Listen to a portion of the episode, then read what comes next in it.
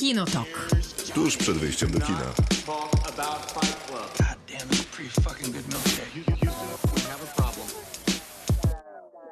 Krzysztof Bojewski. Miłosława Bożek. Maciej choruje, taki sezon, że się choruje, Trzymaj się, Maciek. wytrzymaliśmy parę tygodni w pełnym składzie, ale dobrze, że jest nastroje, to wtedy zawsze to jest z prawda. kim pogadać o filmach Zawsze i serialach. może się rozchorować.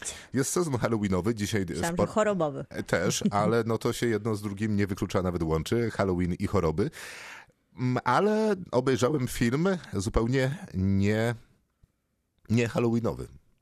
W sensie jest straszny w pewnym sensie. Uuu, ale straszny, bo jest taki zły, czy jest To straszny? też, to też. To naprawdę też. Nazywa się Recepta na przekręt. To jest Netflixowa produkcja, o, która Zaczęłam oglądać na początku, jest fajnie. Reżyserowana jest przez Davida Yatesa, a więc to, to było coś, co mnie od razu zainteresowało. To przypominam, jest reżyser większości, bo ponad połowy. Harry Potterów. E, Tak jest. I, to, Fantastic Beasts pierwszych. Y, Też, a, no, ale to generalnie jest twórca, który Harry Potterowo pokazał, że Tak. książkę na dzieci da się opowiedzieć w taki zaskakująco mroczny sposób. A więc zdziwiła mnie generalnie ta historia, recepta na przekręt akurat w jego rękach, bo to Emily Blunt, która, Która jest cudowna. Która jest jedną z moich naprawdę ulubionych Ja to aktorek, tych takich wielkich hollywoodzkich. Ostatnio, ostatnio. To jest chyba moja ulubiona aktorka. Znaczy, bardzo lubię też Margot Robbie, więc nie jestem pewny, czy ulubiona. No, lubię tam jeszcze parę świetnych aktorek. Natalie Portman chociażby też wydaje mi się, że jest po prostu bardzo zdolna i ma świetną taką prezencję charyzmatyczną, ekranową. Yy, Ale faktycznie Emily Blunt jest znakomita, ale też ma świetne wybory filmowe, no bo przecież Ciche Miejsce 1 i 2 to jest takie urocze, że oni to robią razem z Fantastyczny mężem. serial Angielka, Tak, którego oczywiście. nikt nie widział. Ja widziałem. Ale I podobało ci się? Nie, nie za bardzo. no ale, to bardzo się ale bardzo podobała mi się Emily Blunt w tym serialu z kolei. I Yy, tutaj ale oczywiście Emily. Blunt e- Duplass. E- Edge of Tomorrow mnie zachwycała Ach, zawsze najbardziej. E, Mark. Dupla, co z nim? Również gra w e, Jay, czyli jego brat gra w Pain Hustlers. A, tak, tak. E, A w ogóle widziałem Marka Dupla w tym ostatnim sezonie, który w tym momencie trwa, serialu, który nazywa się Nie mogę się doczekać, co Morning powiesz. Show. A tak, ale on tam jest od początku, od pierwszego sezonu. Naprawdę? Bo ja, Tak. no to ciekawe, bo ja widziałem pierwszy sezon i drugi jakoś nie zarejestrowałem. Zarejestrowałem Może go chyba dopiero teraz, a to już jest czwarty. Czwarty? E, Czwarty? Wow, Może trzeci? trzeci? Wydaje mi się, że trzeci. Zupełnie nie robi mi to różnicy, To bo prawda. coraz bardziej utwierdzam się w przekonaniu, że jest to serial, który opowiada o różnych mniej lub bardziej ciekawych dramatach, które przydarzają się ludziom w różnych mniej lub bardziej nowoczesnych ważnym konfiguracjach. Znanym ludziom. Yy, tak, natomiast y, to, że to jest newsroom, to jest jakby kompletnie przypadkowe i nie za wiele to ma wspólnego z tym morning show, co przyciągnęło mnie na początku do serialu. Bo to też Bo był ten- taki czas wtedy zmian w telewizji. No właśnie, i ten premise, jak to się po angielsku, amerykańsku mówi, y, który proponował nam ten pierwszy sezon, był super. I był naprawdę ciekawie rozegrany, bo to była taka nieoczywista sytuacja, przypomnę tylko na szybko, że chodziło tam o e, sytuację, no, która była seksualna, ale no nie przemocowa, natomiast być może przemocowa, bo chodziło tam o zależność sił e, w organizacji, no bo to był przełożony i podwładna. Nie, nie, nie, to nie tak. Nie, nie, tam- Steve Carell był oskarżony przez wiele kobiet Nie, nie, to ty mówisz o głównym wątku, A, a okej. ja mówię o tym troszeczkę obok, bo A tam jest ta druga tych- historia z tą dziewczyną, która chyba zajmuje się pogodą, jeżeli dobrze Racja. pamiętam. I to jest super ciekawe, bo ona w pewnym momencie mu tam e, wrzuca taki tekst, że tak, tak, jesteś moim przełożonym, ale moja rodzina mogłaby kupić ciebie razem z całą tą telewizją. Więc dużo było tych wątków takich super No, interesujących, a ta historia Steve'a Carella tak. oczywiście jak najbardziej też. Ja myślę, że to jest taka solidna, chociaż może nie jakościowa telewizja, dosłownie telewizja. Po Czyli tym sezonie, tych... który oglądam, to mi się nie wydaje. A, bo ja myślałam, że to jest dla tych, którzy tęsknią za telewizorem. Za takimi serialami Aha, w tym aha, sensie. Aha, aha. No to może, to Dla jest, takiego widza. to jest być A może... taki dalej jest. Tak, i to jest być może prawda, ale nie jestem pewien. Ale ty nie jesteś tym widzem. Nie, to na pewno nie jestem tym widzem, ale nie jestem też pewny, czy w tym sezonie byłaby to prawda. Okej, bo ja gdzieś się zatrzymałam na początku drugiego i wtedy sobie pomyślałam, o, tu się robi taka poprawna telewizja, myślę, że dużo ludzi będzie zadowolonych. Ja po prostu nie jestem targetem tego serialu i się wtedy pożegnaliśmy. Czekaj, bo ja chciałem skończyć o tej recepcie na przekręt, którą obejrzałem i trochę... Chris Evans, Emily Blunt, Andy Garcia. Chris Evans jest w ogóle nie do poznania. W sensie widzisz, że to jest Chris Evans, ale wygląda kompletnie nie jak Kapitan Ameryka, Tak. więc jest trochę taki mało Chris tak Evansowy. Fizycznie twarzą gra i na takim zaciśnięciu i trochę jest Ja jednak myślę, że, obleśny. myślę, że on stracił 15 kg masy mięśniowej. Może tak być, ale to, to jest imponujące na początku. Mi się to podobało. A to czy jest inny? Tak, no oczywiście, aktorsko to, e, w sensie tak fizycznie to jest ciekawe, czy, czy on tam jest aktorsko ciekawy? Ja 15 minut mam za, za sobą. Eee, może nie. To jest znowu historia taka około oksykontonowa. Co prawda to nie jest oksykontin i to nie jest purdufarma. Ale jest, też przeciwból. Tak, ale też przeciwból. Generalnie też opioid, więc historia w gruncie rzeczy bardzo podobna. No bo też przecież chodzi dokładnie o to samo, czyli o taką nagabywanie lekarzy do wypisywania konkretnego leków przeciwbólowego na konkretne schorzenie, czyli na nowotwór w tym wypadku. Jest też bardzo silny i uzależnia. No, no dokładnie, czyli dlatego mówię, że ta sama historia. I ta historia jest średnio ciekawa. W sensie historia być może jest fantastycznie ciekawa, ale to jak David Yates ją opowiada, jest średnio A ciekawe. nie masz wrażenia, że to jest taki przesyt, trochę jak No, jest oczywiście. przesyt Eat the Rich i Polański, poza tym, że zrobił prawdopodobnie zły film, się spóźnia ze swoim pałacem jako komentarz do bogatych, uprzywilejowanych. I podobnie jest z tym Pain Hustlers, że za dużo ostatnio było produkcji o tym, więc może już trochę nie jesteśmy zainteresowani Nie, tą no w ogóle. historią. Znaczy, ja jestem zainteresowany, bo jakby dalej mnie boli, że rodzina Sacklerów zapłaciła 6 miliardów kary przy leku, na którym sąd mówi, że zrobili 10, a wydaje mi się, że tak jak podają różne źródła, zrobili dobrze ponad 30. No, a przy okazji zamordowali wiele ludzi. No nie przy okazji, no jakby zupełnie świadomie to e, robili, no, bo nie da się jakby jakkolwiek tego inaczej uzasadniać. Więc jakby historia mnie nie, nie, nie, nie nuży i nie nudzi, bo dalej mnie oburza i to jakby nie, nie skończyło się jakąś konkluzją satysfakcjonującą tak z perspektywy jakkolwiek rozumianej Sprawiedliwości. Sprawiedliwości. Natomiast być może w tym aspekcie mnie nuży, że nawet taki twórca jak David Yates, czyli przecież bardzo sprawny reżyser, nie za bardzo jest w stanie mi opowiedzieć tutaj historię. I nie wydaje mi się też do końca, żeby akurat znużenie było przypadkiem tego filmu, ponieważ ta historia wydaje mi się średnio opowiedziana. No to może problem leży nie w Davidzie, a w Wallace'ie Towerze. To jest autor scenariusza. Tak, No może, nie wiem w czym leży problem. Generalnie film po prostu nie działa. Nie rozkłada skrzydeł. Być może też nie ma specjalnie nic nowego, ciekawego do powiedzenia. Forma, którą przyjmuje jest y, umiarkowanie interesująca. Emily Blunt jest y, bardzo poprawna. Wspaniała jest. No, wspaniała Nie widziałam tego filmu, ale to chwalę ją po prostu. Aha, no ale za tak. bycie Emily Blunt. Ja mam taki tydzień ciekawy, ponieważ rozpoczęłam różne projekty oglądania, jak właśnie Pain Hustlers, czy Absolutni Debiutanci. To jest O, ciekawa, zacząłem. Ciekawa propozycja od Netflixa również. Polska Kamila Tarabura i Katarzyna Warzecha. One stoją za tą produkcją, jeżeli chodzi o reżyserię. I to też jest ciekawe, bo to są faktycznie absolutne debiutantki Mhm. które dostały pieniądze na. Na razie wydaje mi się mało reklamowany w Polsce serial, O, ale się, powoli będzie. A, no to dobrze, to powoli będzie pewnie też rosła ta reklama. Bo byłam na festiwalu w Świdnicy i przez to nie mo... Nie, Na festiwalu w. Świdnicy, który tak. nazywa się Spektrum, gdzie byłaś Dziewiąty jurorką. festiwal. Jak było? Było ciekawie, ponieważ ja byłam ru... ju... Jujojką. Jujojką, właśnie, jujojką byłam sekcji amatorskiej Okiem Młodych, czyli do 21 roku życia. Młodzi ludzie, którzy robią, nie musi to być pierwszy film, ale nie mogą być po żadnej szkole filmowej, chyba że studiują. Są na początku takiej drogi filmowo-reżysersko-scenariuszowo-aktorskiej, bo tam różne tandemy występowały. Trochę filmów z zagranicy, dwie na siedem animacje, na siedem tytułów. Nie było żadnego dokumentu, reszta to fabuły.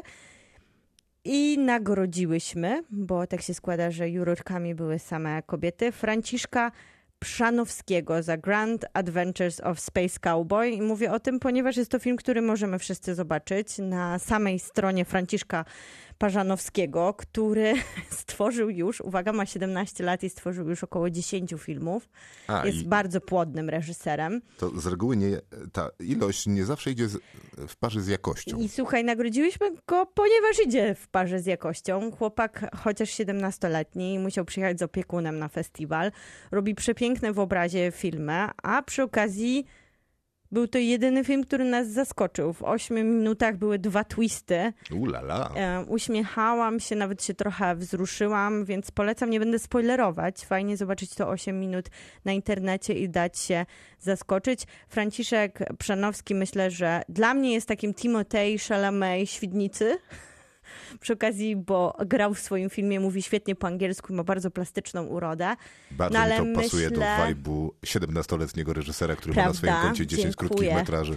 Ale też przy okazji myślę, że będzie robił bardzo fajne rzeczy, bo to super wygląda w obrazie. Albo no się i widziałam, znudzi i po 20 roku życia rozpocznie tak karierę być. producenta muzycznego. spokojnie może to być Franciszek. Jakkolwiek kibicuję mu w jego drodze. Tak Tym bardziej, że był jednym z najmłodszych uczestników tego konkursu, bo większość, która zgłosiła swoje projekty, to byli 21-latkowie. I widziałam też Monstera Hirokazu Koridy. To jest e, film, na który nie udało mi się pójść na festiwalu Nowe Horyzonty. I muszę powiedzieć, że to jest idealne połączenie pomiędzy bliżej a polowaniem. I jest to kino dużo bardziej kompletne, co cię pewnie zadowoli, niż bliżej i polowanie. No ale polowanie jest filmem kompletnym. Ale akurat. tu się okazuje, że Hirokazu Korida... Winterberga, tak? tak. I myślę, że też bardzo mocnym akcentem, co mówili też wszyscy wcześniej, co przeważa też, że to kino jest takie kompletne, to to, że Hirokazu Korida nie pisał tym razem scenariusza. Yuji Sakamoto pisał scenariusz. Najciekawsze, co z tego filmu wyciągnęłam, żeby też nie spoilerować, to to, jak bardzo ja źle myślę o ludzkości. I jak gra mi na nosie Korida, za każdym razem trochę dając mi inny obrazek niż mojej. I na to wychodzi chorej głowie. Na mnie czyha. No tak, I to ale jest cynizm i ciekawe. sarkazm, który nas otacza w stosunku do Tak. otaczającego nas świata jest y, z wielu powodów naturalny, więc to miło, że są twórcy, którzy pokazują skutecznie to, że jest Dlatego inna strona tego, naprawdę co na- jest serdecznie polecam, bo to niebawem w dystrybucji.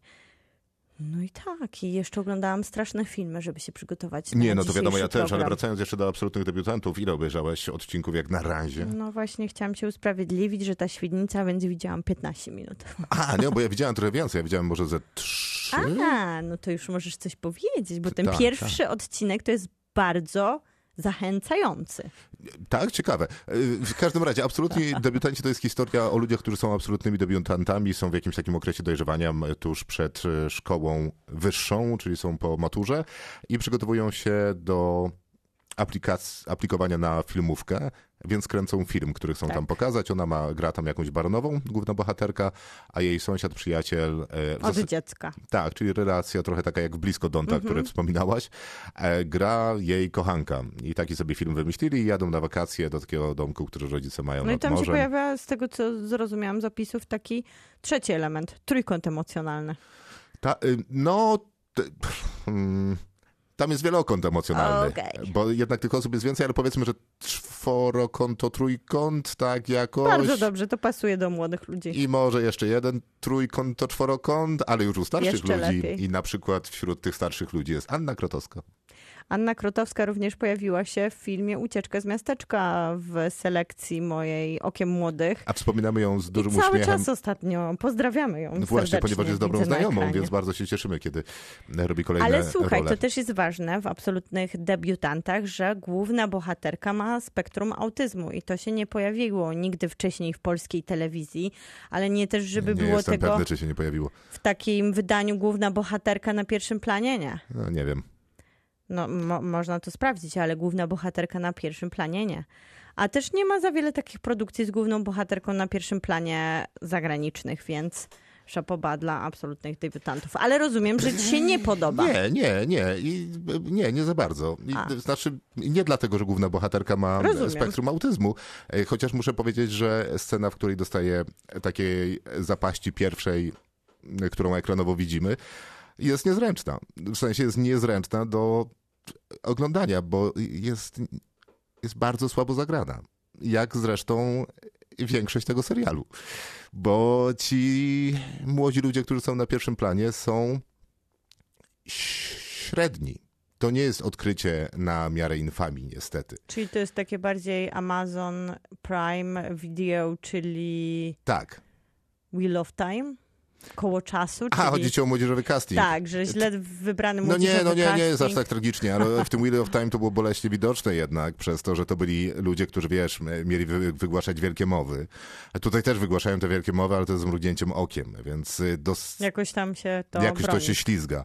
I jest tutaj jeden bardzo zdolny młody człowiek, który gra tego właśnie, o którym pewnie myślisz w kontekście trójkątu emocjonalnego. Ten ale przyjaciel czy ten... ten przyjaciel. To A wiesz, nie, nie przyjaciel. ten, Ten, ten który trzeci. się pojawia który na pojawi się później na obozie. Tak, to on jest bardzo dobry. Ma świetną właśnie plastyczną twarz, jak powiedziałeś, to doskonale go opisuje. I na tej plastycznej twarzy faktycznie gra dużo takich różnych emocji, które płyną z różnych doświadczeń, które nam ten serial opisuje. Natomiast ta, ta dwójka głównych bohaterów, mimo że wyglądają jak z obrazka i chciałoby się na pewno oglądać ich w filmach również ją jako tam baronową hrabinę, czy kogokolwiek, a jego jako tam innego... Barona. Baro, barona albo, no nie wiem, jakiś mezalians może być, Ojej. wiesz, rycerzo chłopem, chłopem Niech albo kimś tam. Tak jest, nie, nieistotne. No to aktorsko to niestety jeszcze nie. A to jest ten sam aktor, kt- znaczy ten sam. Aktora tego młodego znamy z Bringing Back Alice.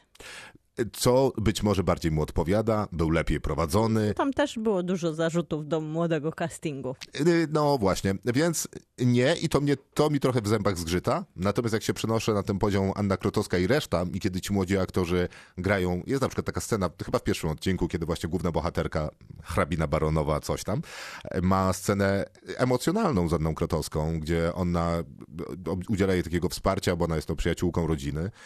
No to ona zaczyna świecić lepszym światłem. I Czyli dobrze ją ktoś prowadzi, to jest, jest iskra. Dokładnie, a kiedy oni odbijają się od siebie, ta para młodych głównych bohaterów, no nie ma tam za, No to może problem jest taki, że młode reżyserki, ab, absolutne debiutantki i absolutni debiutanci aktorzy, no i to może nie działać tak świetnie. To prawda, ale w ogólnym, e, ta- w ogólnej takiej układance wydaje Bo mi na się... przykład Infamia to nie byli absolutnie debiutanci po drugiej stronie kamery. Showrunnerką była Anna Maliszewska, która głównie zajmuje się tym przy swoich produkcjach, żeby dbać o to, jak prowadzić aktorów i robić research. No tego. właśnie, to było super, a no, zwłaszcza główna bohaterka, e, w sensie jak debiutantka. aktorka była fantastyczna, no Mhm. przecież wiesz, to jest e, charyzma, która jest, jak to mówią, jedna na milion. Zjada ekran. Tutaj może da, da, już tam da- dając spo- spokój młodym aktorom i życząc im absolutnie jak najlepiej, to wydaje mi się, że ta układanka właśnie tego trójkąta emocjonalnego, dwóch tych takich narracji też wiekowych, w sensie pokoleniowych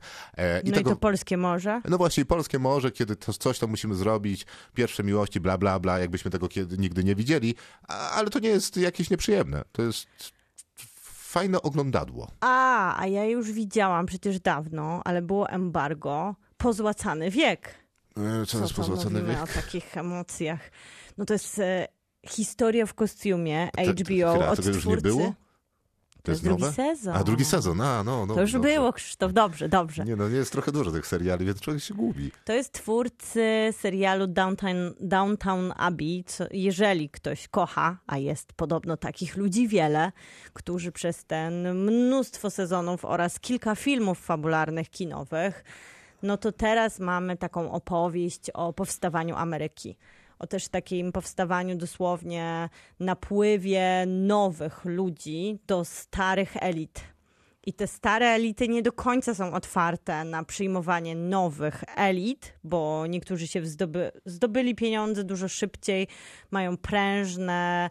Pręż, pręż, to, to jest właśnie. Prężne to, mięśnie. No ale. t- Ale rozumiem, że, że, finansów tam ta nie baronu, baronówna i ten chłop. Ja nie, jestem, tak, chodzi, chodzi bardziej tutaj o to, że ta Ameryka, którą my znamy, to ona się wzbogaca szybko i można było dobrze zainwestować i nagle być bo- bogatym. Ta Ameryka, którą znały te stare elity, to trzeba się było urodzić i mieć te pieniądze. Nie można się było ich po prostu dorobić, więc ma trochę problem z tą nową Ameryką.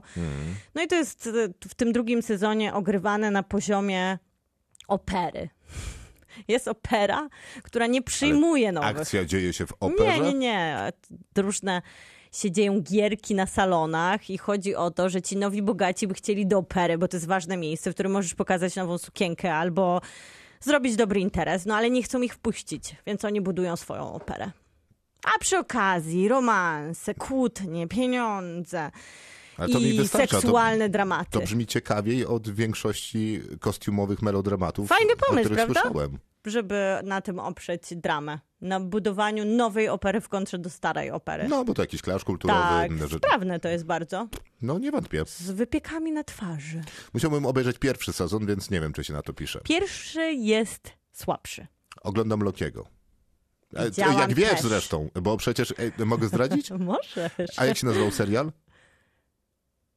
Odszczepienie, odmieniec. Odmieniec. Otóż tak się składa, że całkiem niedawno Miłka e, miała urodziny, więc wybieraliśmy się na jej imprezę urodzinową, e, a jako, że jechaliśmy oboje z radia, chociaż z różnych stacji radiowych e, na tę imprezę i mieliśmy duży zapas czasu, to zatrzymaliśmy się u Miłki w domu, a jako, że Miłka jest doskonale znana z tego, że ubiera się godzinami i ma nieskończoną liczbę No nie ubrań. wiem, nie byłam jeszcze publicznie z tego znana, ale już zostałam. Przepraszam, no ale pytałem, czy mogę opowiedzieć, więc ale nie opowiadam. wiedziałam, że takie, wiesz, smaczki dorzucisz. To bardzo dobrze buduje twoją Bardzo osobowość. szybko się wtedy ubrałam. Tak, tak szybko, że zanim Miłko poszła się ubierać, to y, przygotowała mi serial, żebym się nie nudził i obejrzałem półtora odcinka godzinnego serialu i Tak był było. to właśnie co? Odmieniec? Odmieniec. Odmieniec. Apple TV, już wcześniej o nim opowiadałam. Przepięknie zrealizowany Tak. serial. Bardzo dobry scenariuszowo momentami. Niemożliwie nudny momentami. Nie właśnie im głębiej w ten serial, tym większa dzikość tego scenariusza się pojawia. I to jest mój w tym momencie ulubiony serial do opowiadania jego scenariusza na przyjęciach towarzyskich, bo to jest anegdota sama w sobie, jeżeli zaczynamy się zagłębiać w kindergarten i podmieniane dzieci i wyż- Wyrzucam to szaleństwo z siebie dla tych, którzy nie boją się spoilerów i są zachwyceni. Nie można uwierzyć, że coś takiego powstało, a to była najpierw książka. S- Skąd się wziął ten entuzjazm? Jak rozmawialiśmy w piątek o tym serialu, to nie było go nawet w połowie. Może po prostu podcinasz mi A skrzydła. w sensie, jak powiedziałem, że mi się nie podoba, to to by się zaczął podobać. Okej, rozumiem, to tak niestety działa. E, Ale oglądam też Lokiego. e, Ja i... też. i jest ok- super. Ale może ty jesteś dalej niż ja, bo jestem na samym początku. Ja jestem zupełnie na bieżąco, no, ale drugi sezon oglądasz, rozumiem. Tak. Przecież recenzowaliśmy wspólnie pierwszy. No więc tak, jest lepiej niż dobrze. Jest- Super to moim zdaniem jest za mocne słowo. Natomiast faktycznie jest bardzo dużo powodów, żeby to oglądać. Bo po tym, jak obejrzałem Sekretną Inwazję, jakkolwiek nazywał się ten serial Samuel L. Jacksonem, Ty widziałeś do końca? e, niestety, Dzielny ty. no myślałem, że będziemy recenzować. A później powiedzieliście, że nie. To było bardzo bolesne. No nie dziwię się, chyba przetrwałam dwa odcinki. No to, A im dalej, tym gorzej podobno. jest to katastrofalne. Loki pozostaje naprawdę w czołówce e, seriali marvelowskich. Myślę, Ach, że ten Tom Hiddleston. e, przez to, że Wanda i Vision nie mieli kontynuacji, to wydaje mi się, że spokojnie wybija się na pierwsze miejsce. I właśnie przez to, że jest tam Tom Hiddleston. Bo tam też jest dużo rzeczy, które byłyby... Mm. Mogłyby nie działać, gdyby nie on. No, albo działać gorzej po prostu. Mhm. Wydaje mi się, że Tom Hiddleston każdą scenę, którą można wyciągnąć za uszy do góry, to ją wyciąga. Ja Tak. widzę tam naprawdę dużo zaangażowania w ten serial i tę rolę. Być może ma taki... e, tak pracuje, a być może po prostu jest super. Ale ten serial też mnie zadziwia, ponieważ wydaje mi się, że już zupełnie się przeżarł ten retro sentyment, że to już nie działa w obrazku, że to już jest na tyle sposobów przerobione, a jednak w Lokim to korzystanie z tej estetyki nadal działa. Ja wiem, myślałem nad tym i wydaje mi się, że być może wiele rzeczy się przejada i wiele rzeczy... Będziemy za, za moment rozmawiać o Davidzie Fincherze, jego nowym filmie Zabójca i wydaje mi się, że to jest taki właśnie przypadek, że jakby niby wszystko już powiedziano na jakiś temat, ale można jeszcze powiedzieć coś tam i nie zawsze jest po co to mówić, to jest zupełnie inna sprawa, ale zawsze kiedy robi się to bardzo jakościowo, to wydaje To mi się, że pewno. to ma To e, jest- dużo sensu i że się obroni. Jeżeli coś jest jakościowe, to obroni każdy obrazek. To No i prawda. wydaje mi się, że Loki w przeciwieństwie do wielu produkcji filmowych i serialowych Marvela ostatnich no, kilkunastu, może dziesięciu miesięcy, e, ma bardzo duży ten production value, bardzo wysoki. W sensie tam nie ma jakichś e, niedoróbek w efektach specjalnych, w jeden- kostiumach, scenografii. Tak, to na pewno. I to jest jeden z niewielu światów, w którym jeszcze chcę być, bo na przykład teraz się Ja pojawi jestem tak przecież skraju Marvel, chęci bycia tam, szczerze mówiąc. premiera w przyszłym tygodniu. The Marvels, Tak. z, w sensie z Brie Larson Oczywiście. i tam innymi z innego Zu- serialu Marvela. Zupełnie mnie to nie interesuje. To, to, tak, mój poziom zainteresowania Ale tak wynosi zero. zupełnie, To, no, że sądzę, że będziemy zmuszeni zawodowo zobaczyć tą produkcję Tak. i trochę mi smutno. Ja wiem, e, to jest mało, że to mnie nie interesuje. To, mm, to w zasadzie budzi moją małą niechęć. Dokładnie to samo uczucie. No Nie- to szkoda. Bardzo, ja nie sądziłem, że dojdę do tego etapu kiedykolwiek. No dobrze, to było mniej więcej na tyle w ramach tego jakże krótkiego, półgodzinnego wstępu, a za moment y, w robocie, czyli wasze głosy na temat grozy, horroru i wszystkiego, co straszne i przerażające. Tak ustaliliśmy? Tak. Kinotok. Film. A w robocie dzisiaj o grozie, horrorach i straszydłach najróżniejszych, a to dlatego, że Halloween mamy za pasem. Sobą. No, Znaczy, to zależy, czy za sobą. No tak, no ale niektórzy zależy, może kiedy w słuchacie podcastu. się przebierali. No ale można jeszcze w następny weekend w Oczywiście, gruncie rzeczy. można. Takie Można się post-Halloween. Można w dniu Halloween, czyli być może dzisiaj, wczoraj albo Tak. jutro, zależnie kiedy nas y, słuchacie. E, W każdym razie pytaliśmy was, co Mam sądzicie. teraz taką fantazję, że się przebieramy do słuchania. No to jest odważna fantazja. Dominika, uwielbiam horrory, ale moją traumą jest szósty zmysł. Pamiętam potem nocną wyprawę do łazienki jako czysty koszmar. Lęki przez kolejną dekadę. Do dziś cholerstwo przypomina mi się, kiedy jestem sama w domu. Nigdy więcej. Lęki związane z wyprawą do łazienki, to myślę, że jest osobny temat na podcast. A, oczywiście. I- Bardzo ładny tytuł w ogóle. I na pewno to jest archiwum X odcinek o larwie z toalety. Ale halo, przecież to twoje głosy to będą za moment. Ale to, to nie jest mój głos, to A, jest to tylko twój głos. komentarz do toalety. Aha. I tam była taka larwa, która się, która się przemieszczała kanalizacją, pamiętasz?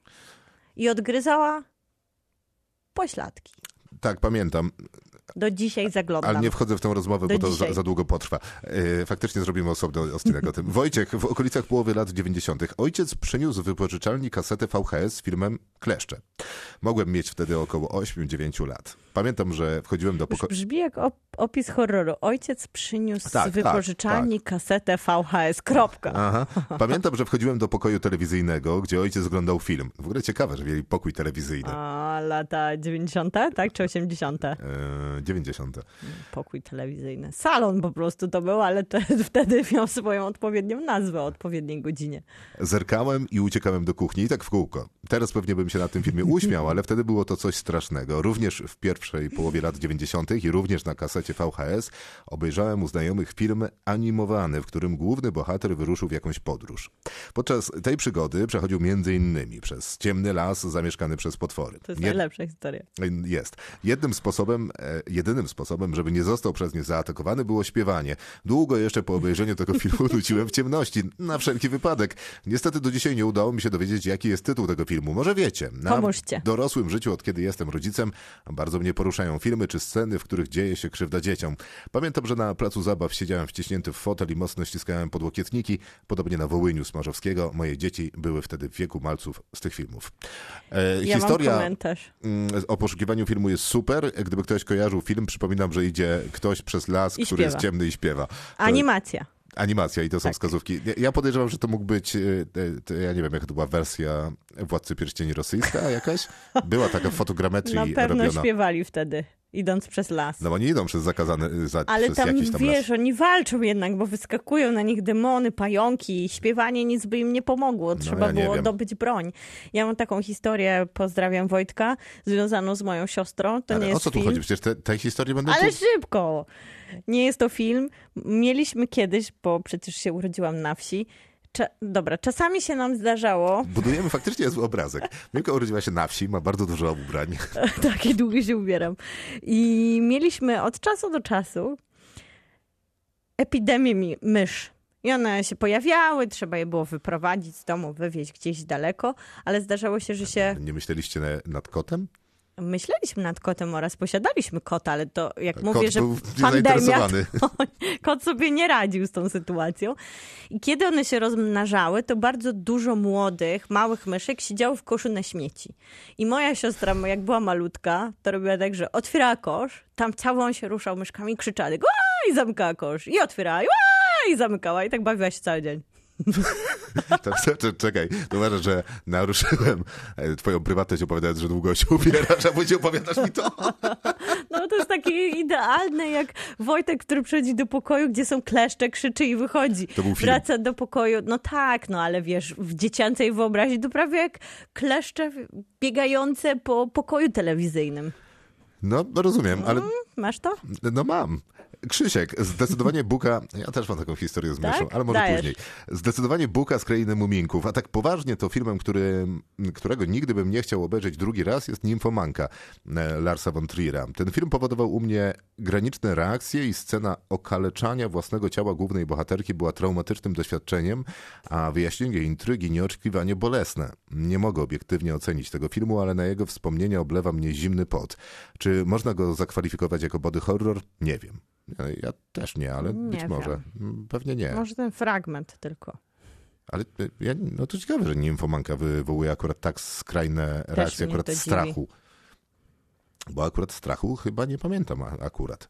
E, W każdym razie, Piotr II. Horrory to w ogóle nie moja bajka, ale dobra. Jako archiwista wymienię choć dwa tytuły, przy których miałem lekkie mrowienie na plecach. Przy tym, jak opętana przez diabła Regan, przeklinając męskim głosem, lewitowała nad łóżkiem, obracała głowę o 360 stopni, czy robiąc tak zwany mostek, schodziła po schodach. Klasyk mistrza Friedkina, który niestety nie tak dawno od nas odszedł. To No. było straszne. To jest absolutne mistrzostwo. Naprawdę. Tam te dreszcze na plecach. To był po prostu pierwotny strach. Ja Egzorcystę oglądałem całkiem niedawno za sprawą Marka Kermouda, którego podcastu słucham. On jest wielkim fanem e, Egzorcysty i horrorów w ogóle, ale- ale Egzorcysty w szczególności. Przypominamy, że tego jednego, jedynego, bo ta reszta, były, reszta była fakty, faktycznie brutalnie nieudana. I to jest film, który dalej działa. To jest e, faktycznie jeden z tych wielkich klasyków, e, który... Straszy. Tak, który straszy, ale to jest trudne, bo wiesz, e, też mam wrażenie, że trud... myślałem, że to będzie trudne dla pierwszego aliena wywoływać dalej niepokój e, po tym, jak zo- został przerobiony ten film przez popkulturę, przemielony, a poza tym widziałeś go wiele razy i nie powinien robić tego efektu, a robi. Więc to są naprawdę To jest ciekawe jak filmy. ro- rozmowa o Lokim. Jakość się zawsze obroni. No tak, to prawda. Drugie takie coś wymyślił John Carpenter. Takie coś, ni to pies, ni to wydra, co wylądowało na Antarktydzie. Takie pies, coś, co musi mieć wydra. swojego żywiciela, do którego potrafi się w pełni upodobnić. No Coś, mi się wydaje, że to był niezły horror. The Thing, 82 rok, reżyser John Carpenter. Widziałam ostatnio. Ja znowu widziałam ostatnio The Thing. I ja się nie bałam The Thing chyba, bo mi się wydaje, że Carpenter to taki był świadomy swojego kiczu. O, ja nie wiem, no ten z 82 The, e, No tylko roku to. The Tylko e, the, jest, to The Thing. jest na mnie nieźle działający. I miałem to opowiadać w mojej części e, w robocie w gruncie Tak, rzeczy. ale mi się wydaje, że tutaj bardziej poza The Thing działa ta świadomość samotności na pustyni śniegu.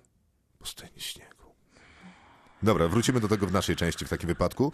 E, Piotr pisze, e, eony temu, kiedy na TVP można było odnaleźć nielichej jakości content, telewizyjna dwójka puszczała w godzinach wieczornych z archiwum X i pewnego razu, zamiast zwyczajowej czołówki Mhm. Serialu, pisze. tak, na ekranie pojawiła się prezenterka, a była to bodajże, bo jakżeby inaczej, Grażyna Torbicka, której cała Pols- która całej Polsce oznajmiła, że dzisiejszy odcinek przeznaczony jest zdecydowanie dla widzów dorosłych.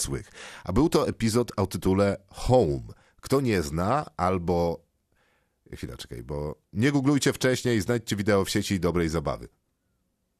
Pamiętasz? Nie, w ogóle. To będziemy W sensie, że mam- miłą zabawę. Pamiętać tytuły odcinków z archiwum X No, ale jest, wydaje mi się, rozumiem, nieco zbyt Że to wymagające. jest najstraszniejsze. Piotrek sugeruje, że to jest taki, że żaden wcześniej nie miał zapowiedzi torbickiej dzieci do łóżek, rodzice bójcie się. No nie wiem, no nie zapamiętałem Torbickiej, ale nie wiem, no może widziałem ten odcinek. Miałem zgooglować, nie zdążyłem, ale znajdę. Y, Dana pisze tak, jestem wielbicielką horrorów i mechanizm jest taki, że z wiekiem oglądam i w sumie niedługo potem już nie myślę, ale kiedyś to było, panie. Scena w szóstym zmyśle, jedna z widzianych przez głównego bohatera zjaw kobieta, stoi w kuchni, pokazuje podcięte żyły u rąk i z pretensją mówi, zobacz co mi zrobiłeś. Przez długi, długi czas po zmroku kuchnia dla mnie była niedostępna. Nadmieniam, że film widziałam raz, 100 lat temu, a tę babę pamiętam i chociaż już się jej nie boję, to przez długi czas siedziała mi w głowie. No takie historie są super. Absolutnie straszne były Płaczące anioły w Doktorze Hu, to Martyna pisze. Paweł, można by było pisać całe tomy o tym, jak jednak pierwsza moja myśl, Martwa Cisza z 2007 roku. Film może nie jest wybitny, ale bazuje na budowaniu emocji, że coś się wydarzy. Człowiek czeka, czeka, muzyka atakuje i bum, i nic. Muzyka wyciszona, wraca do fabuły, człowiek się rozluźnia i wtedy, a tak, podobnie działo się w nawiedzonym domu na wzgórzu, serial z 18 roku, to ja lubię. Z innej beczki to Nocna Straż z 1997 roku. Tematy kostnic zawsze potrafią przerazić. To rosyjski film, nie wiem, czy widziałeś go kiedyś, nie wiem, czy jesteśmy w czasie, w którym cokolwiek co rosyjskie jakkolwiek rekomendujemy, ale faktycznie był to bardzo udany film, w przeciwieństwie Też do go lubię, ale też Straży Dziennej, taki, tak, która była kontynuacją. cancel culture tutaj. E, Dominika, może i nie należy ten film do strasznych, ale jak byłam mała i zobaczyłam Oszukać Przeznaczenie z trzy i scenę w solarium, No yes! Obiecałam sobie, że nigdy moja noga tam nie stanie i słusznie, bo to zdrowe, a poza tym Oszukać Przeznaczenie, cała seria jest wybitną. Wszędzie szukamy filmem. zawsze prętów jadących na jakiejś ciężarówce. Nie, nie, nie, moja droga, to nie są pręty, tylko to są bale drewna. Nie ma to znaczenia. W To mojej prawda, głowie to są pręty. Przebijające mnie, kierowcę, jeszcze jakąś rodzinę, która wiem. jedzie samochodem obok. W sumie nie jestem pewny, czy nie było i prętów, i bali, ale to jest do Mogłoby sprawdzenia. być. I szyby, duże szyby. Szyby to wiadomo. Szyby. Jakiś czas temu usłyszałem piosenkę z tej sceny i aż mnie zmroziło. To jest jeszcze a propos Oszukać Przeznaczenie 3, trauma do dzisiaj, a ja usłyszeć piosenkę z Oszukać Przeznaczenie na autostradzie jadąc za... O, ja bym nie dał rady. I pręty. Ja bym wezwał policję. A z doświadczeń nigdy więcej to zdecydowanie Blair Witch Project i Grave Encounters. Grave Encounters to jest... e, muszę sprawdzić jakiś polski tytuł. E, No jeszcze może Aleksander. Koreańska opowieść o dwóch siostrach prawie zafundowała mi zawał serca w młodym wieku. Ile tam było jumpscarów. It Follows to jest bardzo fajna pozycja z, z nietypowym strachem, ale w tej kategorii to najbardziej błyszczy studio A24, Czarny Philip z The Witch, Kult z Midsommar, Paimon z Hereditary, Duchy w Talk to Me czy Pearl of X. Oni znają przepis na dobre horrory. E, no i to tyle. Czyli bardzo dużo.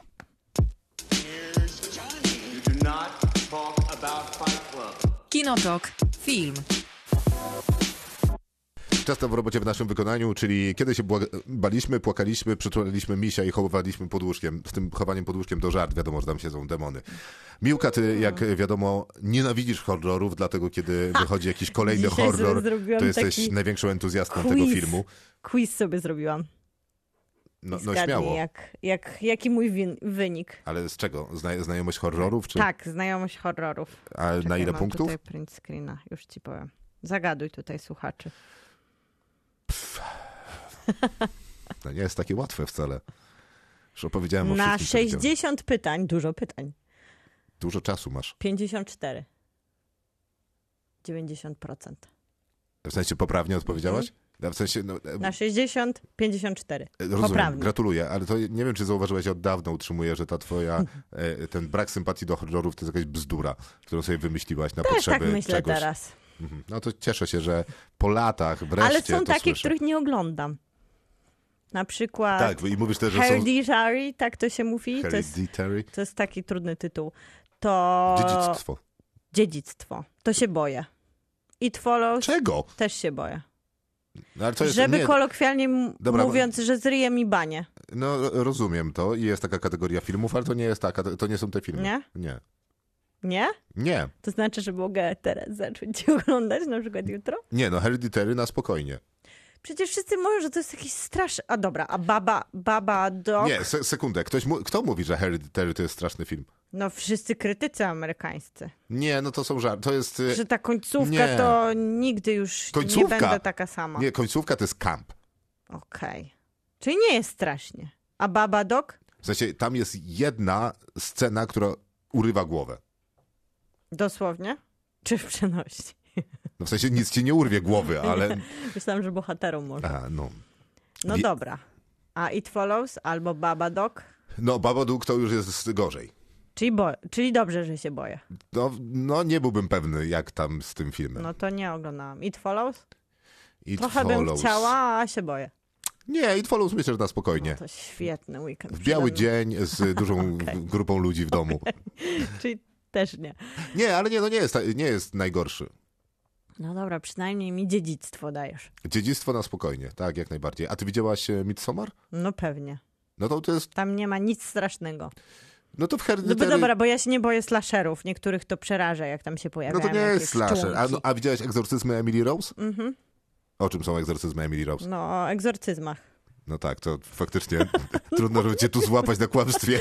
No bo nie wiem, jak to wytłumaczyć inaczej. No jest taka słynna... Ale Sound Mouth, Saint Maud nie widziałam. Widziałeś? Nie, też nie widziałem. I się, bo się bałam. Aha, no bo ja bo być przegapiłem. strasznie. No to ja, ja jestem podekscytowany trochę. Znaczy ja też nie lubię horrorów. Ja nie jestem jakimś Mm, wielkim świetnie fanem nam bania się. No to słuchaj, na czym się tak naprawdę bałeś?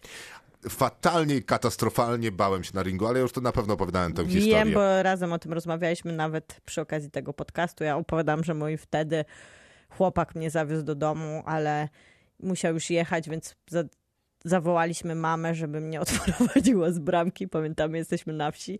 Z bramki do, do domu, bo nie mogłam tego kawałka przejść sama po daringu. No nie, naprawdę jest niepokojące. Faktycznie opowiadałem tę historię parę razy, ale była taka, y, taka historia, że rodzice wybierali się na imprezę, a mój wujek, który zawsze zapewniał mi kasetę na ten czas, kiedy miałem tam zostać te parę godzin sam, żebym się nie nudził, to zostawił mi jakiś film na VHS-ie, żeby była No jasność. wiadomo. I najpierw to były Bondy, ale Bondy były jakby miały ograniczoną liczbę tytułów, no więc się skończyły. Później były jakieś tam różne filmy, też się skończyły i mówi, że pani mu powie, poleciła w wypożyczalni, że ponoć super. A ile lat to miał taki Krzyś? No to tyle, co... Tyle co nic. Nie, no to, poczekaj, no to jest do sprawdzenia, kto ci naprawdę No ja bardzo byłam w liceum, to ty musiałeś być młodszy. A nie, bo to już na DVD, Nie. to już mogłeś być w liceum. Nie, nie, to był chyba Na jeszcze VHS. VHS-ie. No dobra, The Ring jest filmem z roku 2002. Ten amerykański. Ten amerykański, ja nie jestem pewny, która to była wersja. Wydaje mi się, że... The Ringu, The Ringu jest oryginalny. A, czy nie wiesz, którą widziałeś tak, wtedy na tej tak. kasecie? No dobra, ale The Ring... Y... The Ring jest z 2005, ten oryginalny. No więc do Polski trafił... 98 jest oryginalny. 98? No, japoński. The Ringu to się nazywało The Ring Krong, to jest ważne. Aha, 98. 98, No tak, to, tak to, by się, to mogłoby się zgadzać. Ale czy on był w ogóle u nas y, na, wydany na DVD, to śmiem wątpić. No to może amerykański widziałeś na VHS-ie. Tak, Dw- czyli to byłby 2002. Czyli na, v, na VHS-ie czy tam DVD to był 2004. Czyli ile lat temu to było? 16, nie proś mnie o 19? matematykę. No to takie prawie pełnoletni byłem. No, Takie to było straszne, że nawet prawie dolo- dorośli ludzie się bali. Prawie pełnoletni? A ci wujek kasety zostawiał, jak wychodził, nie? O tu masz, Krzysiaczku. Masz tylko 17 lat. Opowej... Zrobi... Zrobiłem ci selekcję tutaj filmów, Krzysiaczku. Ej, legalna Ty się nic nie blondynka. Może jednak nie. różowa pantera i The Ring. A może chcesz opowiedzieć o swoim dzieciństwie teraz? Teraz chyba już nie chcę. Nie, no, okej. No, nie, wydaje mi się, że miałem nieźle. mniej. Znaczy, wydaje mi się naprawdę, że miałem mniej. No to może właśnie oglądałeś The Ringu. No, Może oglądałem do ringu. No, W każdym razie efekt był taki, że się przestraszyłeś. że obejrzałem do końca z jakiegoś dziwnego powodu, bo ten film jest Jak te świetny. myszy w tym koszu na śmieci, czy ten, te Tak, kleszcze tak, tak, w pokoju tak. telewizyjnym. Tak, tylko że byłem sam w tym domu i to na tym, na, na tym polegał Nie, to problem. niezdrowe, Krzysztof. I wydaje mi się, że w pewnym momencie, były, wiesz, bo leżałem sobie w łóżku pod kołdrą i wydaje mi się, że w pewnym momencie dochodzi do I tego... oglądałem, ale jednak nie patrzyłem. Nie, patrzyłem, tylko w pewnym momencie dochodzi do tego efektu, że jakby opuszczenie łóżka jest No niemożliwe. niemożliwe. Tak, tak, że nawet w zasadzie nie chcesz wystawić nogi spod Nie kołdry. możesz sikać, dopóki rodzice nie wrócą. Tak, mniej więcej. Mhm. No więc y, byłem gdzie, mniej więcej w tym stanie, no ale na szczęście to musiał być VHS, więc być może to naprawdę było do ringu. Więc film się skończył, no i kaseta się wyczerniła, więc nie, nie przeszła do żadnego menu. No i wiesz, i ten telewizor był czarny i to musiała być kaseta, ponieważ przechodziła ta fala taka Mhm. charakterystyczna po telewizorze, która w kontekście filmu, który The obejrzeliśmy, Ringu. The Ringu, Zapowiadała, że coś wyjdzie z niego. no nie najlepiej to działało na mnie. A przypomnę tym, którzy nie kojarzą The Ringu, czy Ringa, czy, kręg- Krągu, kręgu. Krągu, Kręgu, y, to jest film o tym, że wkłada się kasetę, a na kasecie jest dziewczyna, która wychodzi ze studni, a później z telewizora i cię zjada. Tak. Jest straszna ta dziewczyna. No Wszystko jest straszne, bo jeszcze i amerykańska, i azjaty- azjatycka wersja miały takie migawki obrazków. takie pcz, pcz, pcz, stroboskopy takie. Że dopiero teraz Tak. to wiemy, co tam było, ale Tak. wtedy to szybko leciało i to było takie podprogowe i to było super straszne. Mhm. No było, było. No i efekt był taki, że wyłączyłem ten telewizor i w zasadzie wszystko, co się dało i szukałem korków nawet w pewnym momencie. No i... To teraz, to aż teraz się boję, jak o tym sobie myślę. Sama w domu z daringu. Lat Nie, ale to, ale 17. wy... albo mniej, raczej mniej. E, To wyślę ci, wyślę ci te memy, które mnie wyleczyły, o czym mówiłem Nie wielokrotnie. Że no, kiedy są płaskie telewizory, to żeby To pozbyć się dziewczynki z ringa, to kładzie się Wystarczy telewizor. No ale prawdę na, na parapecie, że ona wychodzi już prosto, wiesz. zawsze mogłeś jak wychodziła rozbić zewnątrz. tamten i też by, też by miała To problem. był nowy telewizor, to pamiętam, że oni byli bardzo dumni z siebie, w sensie e, wujek z ciocią. No to jak jesteśmy przy azjatyckich produkcjach, to chyba najbardziej właśnie takich się boję. I jest taki horror, który się nazywa Shutter z polskim podtytułem Widmo. O, to widziałem. Oryginalny jest tajski, to 2004. Później był japoński z nutą amerykańską.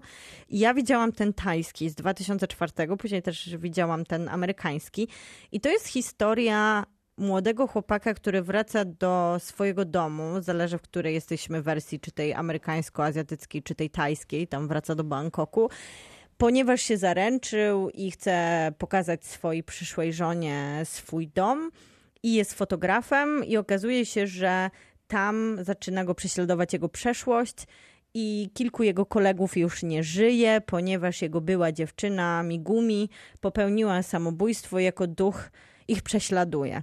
Prześladuje ich, ponieważ popełnili straszny czyn i ją zgwałcili ale ona ich prześladuje w taki sposób, to nieważne co już z kolegami się stało, ważne co się dzieje z samym bohaterem. Ona siedzi mu na plecach. I tam jest taka scena, taka sekwencja, jak on się waży w szpitalu. I waży ponad 200 kilo, waży wagę siebie i Migumi. I momenty czasami są takie, że nie wiem, zamykają się jakieś drzwi ze szklanym Tak, z okienkiem i, o, okienkiem i my widzimy, jak ona tak siedzi mu na plecach albo gdzieś odbije się w szybie. I to jest takie przerażające, bo Jest. to jest takie Aż realnie mi metafizyczne. Aż mi zęby cierpną. Takie, że tak faktycznie może ciążyć odpowiedzialność za karygodny czyn. Jak lepiej pokazać Miłka nie ma wagi. odpowiedzialność moralną. Nigdy się nie Jak ważyła. le- Ile ważysz? No właśnie, ale zawsze tak kątem oka patrzę na moje odbicie, bo myślę może czegoś nie wiem, może popełniłam jakieś zło. Tam jest jednak bardzo konkretny czyn i bardzo też świetnie pokazane, jak ten czyn powinien ciążyć oprawcą. Nie, nie, to na poziomie Ale metaforycznym też jest bardzo wszystko dobre. tam jest dobre. Naprawdę świetne kino i tak jest to sugestywne, że tak jak słuchaczka opisywała, że tą babę to, ona dosłownie użyła słowa, że tą babę z szóstego zmysłu to dalej pamięta, chociaż już się jej nie boi, no to z Szatera do dzisiaj mam ten obrazek i on jest, on mi się wrył w podświadomość. Podobnie jak z Deringu, więc tu jest siła tych azjatyckich horrorów, że bardzo często wykorzystywały pewnego rodzaju symbolizm, ale taki wzięty z naszych koszmarów, z największych, najgłębszych lęków, no i podawała go nam na ekranie, jak się nie bać. Znaczy, ja nie jestem pewny, czy kiedykolwiek miałem koszmar o tym, że z telewizora wylezie dziewczynka, która została utopiona kiedyś Ale w te- studni, a później mnie zje. Ale te obrazki, co tam się pojawiają, jakieś samotne No drzewo, to one wry- ry- ryją. to one ci się śniły. Co? Nie. No mi się śnią takie nie, rzeczy. Mi się, mi się śniły te rzeczy dopiero jak obejrzałem te filmy. Na tym polega problem. Wcześniej jak mi się śniły, śniły mi się bezkontekstowo i to było miłe. Wiesz, drzewko fajnie, studnia super. No to jeszcze, to jeszcze japoński horror z 99 roku, to jest już taka klasyka, to jest kultowy horror, nazywa się po polsku Gra Wstępna albo Audition. I to jest Takashi Miki i historia jest taka dziwaczna na początku, nic nie sugeruje na ten creme de la creme brutalności i horroru na końcu. Jest reżyser, on robi taki fake casting, żeby znaleźć sobie nową dziewczynę totalnie, jakby temat, który w 99 mógłby się pojawić, ale teraz już nie, to, jest coś bardzo, chociaż sugerowane jest to, że jest to nielegalne i stokerskie i w ogóle obrzydliwe. Nie, no myślę, że spo, spokojnie z tą świętą wrażliwością. No nie, ale Może też- się pojawić, właśnie po to takie historie opowiadamy. Żeby nas na końcu przestraszyć i przestrzec nas przed tym, żeby nie robić fake castingów. Nie, nie że jak- jakby świat jest niebezpiecznym miejscem Tak. i fajnie by było, gdybyśmy go naprawili. I ludzie, którzy posiadają władzę, potrafią ją nadużywać. No a historia kończy się odcinaniem kończyn. I to Ja nie w jakim filmu. stylu? Jak ktoś lubi slashery, to to jest właśnie taki najwyższy poziom odcinania stópek. Nie widziałem i, i Powolutku. absolutnie nie obejrzę. Powolutku, tak żebyśmy mogli się nacieszyć. Polecam, bo ja to lubię odcinanie Polecam. kończyn. Miło, sława Boże. E, No to i za- co tam jeszcze? Nic już nie masz ze strasznych wspomnień? Mam, ale wrócimy sobie Dobra. e, za moment, bo mamy jeszcze po horrorze do przybliżenia za moment wam, a później jeszcze mam do zrecenzowania The Killer, czyli zabójcę Davida Finchera. Film, który trafił do kin, a niebawem będzie na Netflixie. Kinotok. Film. To jeszcze, e, jako że jest Halloween, to do tej grozy horroru dużo, więc e, będziemy polecać. E, Mam nadzieję, że będziemy polecać. Znaczy Tak. ja będę polecał na Tak, ja pewno. będę polecać. I odradzać, bo mam dwie, dwa podejścia. Filmy, które są horrorami. To świetnie, to możemy się wymienić. Chcesz zacząć, czy ja mam zacząć? Ja, że, ja zacznę od tego, że w przebraniu mordercy Dress to Kill to był mój wybór na taki halloweenowy seans. To Brian De Palma i 1980, a później się okazało, to też brzmi jako opowieść z horroru, że musiała u nas zostać teściowa, a w przebraniu mordercy nie posiada polskich napisów, więc trzeba było pod teściową, pozdrawiam ją serdecznie, znaleźć jakiś film z polskimi napisami. I tak bardzo szybko znaleźliśmy film, który nazywa się Nie ocali cię nikt. Kojarzysz? E, nie. na, Disney, na. Disneyu dostępne. Bardzo dobre amerykańskie recenzje. Brian Duffield jest reżyserem, Kathleen Denver w roli głównej i to jest chyba najistotniejsze, że widzimy tutaj Ka- Kathleen Denver, bo tylko ją głównie widzimy. 93 minuty, idealny format na horror z teściową. Przy okazji miała być hybryda gatunkowa, więc nie tylko horror, będą zombie, będą obcy, będzie apokalipsa, idealnie. 93 minuty, idealnie też. Wszystko powinno być idealnie. I uwaga, tylko 5 słów dialogu na 93 minuty. Na pewno dla kogoś to też jest idealne. Dla mnie jest idealnie. No tylko dopóki jest taka, bo historia jest prosta. Kathleen Denver żyje w domku w lesie i nagle jest jakaś apokalipsa i najpierw są znaki, później są obcy, później obcy z ludzi robią zombie, a później już z górki. I ona jako jedyna w miasteczku potrafi jakoś tak zabijać te obce. Nawet jej nieźle idzie, tam jest 3-0 głównie przez większość filmu. W sensie 3-0? Kathleen ma 0, bo żyje i trzech obcych zabiła. Nie, nie, to ona ma 3, a oni mają 0. No dobra, 0 Katlin zabitych, 3 Kathleen zabita. obcych nie żyją. Chociaż później jest... Nie będę spoilerować. No więc kotek, myszka, obcy w mieście, trochę zombie, trochę kosm- kosmici, trochę znaki i czerpanie z takich fajnych tropów klasyki, to działa. A później starali się jakoś domknąć tą historię i już tam nic nie działa. Może jakby dorzucili jeszcze z 8 słów, to byłoby lepiej. Nie, to, to, było najlepszym rozwiązaniem tego filmu, ale prawdę powiedziawszy, oglądało się to świetnie, 93 minuty rozrywki. To jest jakaś epidemia chorób strun głosowych, że nie mówią? Czy... Nie, po prostu Katlin jest sama, a obcy I nie robią... kim pogadać.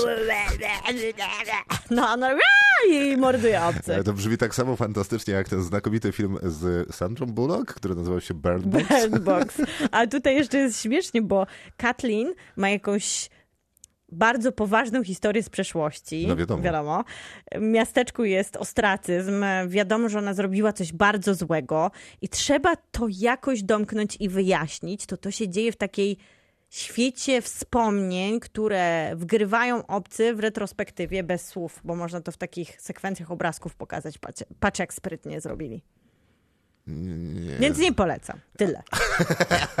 To takie są wnioski. Ale to, to, i to jest e, mój film, który miał zapełnić mój czas na oczekiwanie, by skończyć Briana De Palmę, którego polecać będę.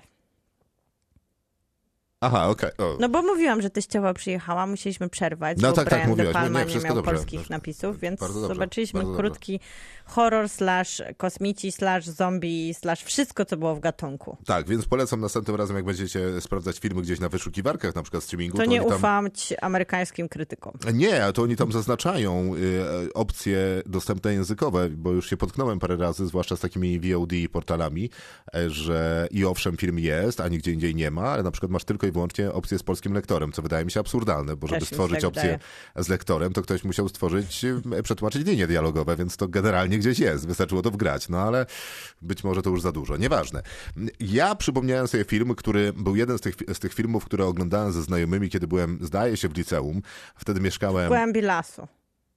Nie. Szkoda. Nie, my oglądaliśmy drugiej kategorii raczej horrory, czasami trzeciej. Ja wtedy zresztą e, zakochałem się i wtedy ściągałem z zagranicy, rozumiesz, z portali, które były niedostępne w Polsce, a są to portale aukcyjne, e, filmy z tej słynnej listy Nasty List, y, która y, była filmami zakazanymi z różnych powodów e, i później wychodziła na kasetach wideo czy tam na DVD, więc Driller, Killer, tego rodzaju znakomitości. Toxic Avenger. Y, no, tego rodzaju znakomitości sobie oglądaliśmy i to była bardzo duża przyjemność. I to było oczywiście kino klasy B, Z. a- a- Z i tak dalej, ale faktycznie filmy były y, bardzo ciekawe. Zresztą przypominam, że Full Metal Jacket by- był tam swojego czasu na tej liście i kiedyś prawie zamknął całą sieć kin w Wielkiej Brytanii. Mm, Ale to akurat nie był film z tej słynnej listy, chociaż całą tę listę polecam, bo część z tych filmów na przykład przedziera się w tym momencie do różnorakiego streamingu, więc można sobie poradzić i obejrzeć niektóre z tych filmów. Tych filmów jest kilkadziesiąt, bo tam zależy że jak licząc, ale powiedzmy, że ta oryginalna lista ma tam 60 parę tytułów, to można sobie naprawdę to zaplanować jakoś na rok. i Jeżeli ktoś jest fanem horrorów, to serdecznie polecam, bo poza tym będzie taka ciekawa anegdotka do opowiedzenia znajomym o tym, co to w ogóle było to Nasty List i jak do tego doszło. E, Ale obejrzeliśmy wtedy Film, który dziwnie wszystkim się spodobał i który przy e, okazji tego podcastu sobie troszkę odświeżyłem. Naprawdę nie powiem, że obejrzałem cały, no bo są jednak granice absurdu. E, Film nazywa się 13 duchów. Sprawdzam. Niestety nie zauważyłem błysku zrozumienia w twoich oczach, więc będę opowiadał dalej. 13 duchów ma dosyć prostą historię. Otóż e, Jest 13 duchów. Tak, to prawda, ale e, zanim do 13 duchów dojdziemy, to jest jeszcze wstęp do tej historii, a mianowicie nasz główny bohater dowiaduje się, że jego wuj zmarł. E, No to nie taki stary, 2001. nie, nie, nie taki stary, zaledwie 22 lata. Mm, tak, to prawda. Bolesne są te odkrycia. Tak, są bolesne. Ojejciu. No więc wuj poinformował swojego, Uuu, jest tu aktor, którego bardzo lubię. który? Matthew Lillard, który przecież jest królem horrorów. Tak jest. Yy, Więc 22 lata temu dostaje ten spadek, w spadku jest dom. I powiedzieć, że to jest dom, to jest powiedzieć nic, bo to jest mega wielka, przewspaniała willa, przynajmniej z zewnątrz. Bo jak się wejdzie do środka, to ta willa generalnie wygląda mniej willowo, a bardziej jak jakbyś weszła do silnika samochodu. W sensie jest bardzo industrialnie, trochę wygląda jak fabryka, no może nie do końca fabryka, bo to wszystko jest jednak na wysoki połysk, wszystko jest bardzo okultystyczne, jest bardzo dużo różnorakich napisów, no i są nasi bohaterowie, są też takie elementy luksusu, no nie wiem, gdzieś tam te sypialnie, w których oni na przykład się mm, e, e, blokują, są takie no, na bardzo wysokim C, więc niby wszystko jest dobrze, no gdyby nie te 13 duchów, no ale tutaj stanowią problem. Okazuje się, że wuj był zwariowany i trzyma te duchy zamknięte w słoikach, w cudzysłowie. No i te duchy generalnie to chcą wyjść i zjeść. No więc oni odkrywają, zwiedzają te duchy trochę jak, jak muzeum. E, Nie, nie są to kacperki i to jest e, ciekawe, że o tym mówisz, bo dlatego ja mówię o tym filmie, ponieważ wydaje mi się, że ten 2000 rok, e, to jest taki rok przełomu trochę też dla efektów specjalnych, e, trochę nie lata 90. To już nie wygląda jak te 90 Ludzie już się nie obierają jak w latach 90. Te filmy nie mają tej tego połysku lat 90., nie ma, nie ma tych efektów lat 90. To wygląda już tak, że kiedy oglądasz to nawet z perspektywy e, współczesności, to nie wygląda tragicznie. W sensie efekty specjalne są zupełnie przyzwoite, nawet te komputerowe, przynajmniej, przynajmniej niektóre, więc nie ma wstydu. A jednocześnie zaczęły się ciekawe projekty i design w horrorze przy użyciu nie tylko oczywiście efektów specjalnych komputerowych, ale też fizycznych. I ten design, tych 13 duchów, które są w tym filmie, który z perspektywy tych 22 lat, umówmy się, jest raczej kampowy niż straszny, jest, jest naprawdę fantastyczny. I ten film może straszyć, bo to jest idealny film dla ciebie. W sensie na pewno będziesz go nie, nie, nie lubić, ponieważ on korzysta Na z pewno każdego. będę go lubić. Na pewno nie, bo on korzysta z każdego motywu horrorowego, jaki ludzkość kiedykolwiek wymyśliła. Jumpscare jest co 5 sekund. Yy, Skrzypce grają po prostu tak, że zęby ci cierpną. Wyskakuje coś z podziemi, z sufitu, z za rogu, pojawia się za plecami, skacze ci na głowę i te właśnie klatki, które pamiętasz z ringa, są tu w zasadzie grane non-stop. Więc yy, Nie będzie już, podobało się. To wchodzi w podświadomość. Natomiast to, jak to wygląda, jak tam No rozmawiają... właśnie wygląda świetnie Tak, tak. To, to właśnie to jest ten kamp, który wiem, że od razu do ciebie śpiewa. Tak. Natomiast y, ten film nie udaje, że nie jest horrorem. A, ja miałam nadzieję, że to jest taki krzyk. Nie, nie, to w ogóle nie jest krzyk. To nie jest samoświadomy film, który, wiesz, k- który jest e, ponad wszystkimi filmami. E, To jest film, który chce być horrorem, który chce straszyć i ma argumenty w postaci tego designu tych duchów, bo rozumiem, że na tym oparł całą tę swoją historię, bo historii to nie ma specjalnie ciekawej. Nie, od, nie tego oczekujemy od horrorów. Często, bo ostatnio coraz więcej. E, No tak, no ale ostatnio te horrory. No właśnie, i to jest też y, w kontraście do e, tych horrorów, które znamy właśnie spod szyldu A24, że nam opowiadam o traumie, opowiadam o tym, o wam, tym jest taki mądry, że aż notatki zrobię. Nie, to jest horror, który chciał straszyć i który chciał być dobrą zabawą. Koniec. Zjedliśmy do tego trzy popcorny z mikrofali, przybiliśmy piątki, niektórzy trochę zaniepokojeni wracali w nocy do domu. Było super. No to ja mam problem ze starszymi filmami i potrzebuję jakiejś motywacji dobrej, żeby, wiesz, robić sobie takie Ja wiem, dlatego się cieszę, że robimy ten podcast. W życiu bym To nie prawda. zajrzał do tego filmu. odświeżanie jakichś tytułów albo oglądanie tytułów, których nie znałam, a są ważne w kontekście filmowym. No i padło na Briana De Palmę i jego jeden z pierwszych filmów, jeszcze kiedy nie był tym Brianem De Palmą, Dress to Kill. I to jest dreszczowiec erotyczny. Wspaniały film.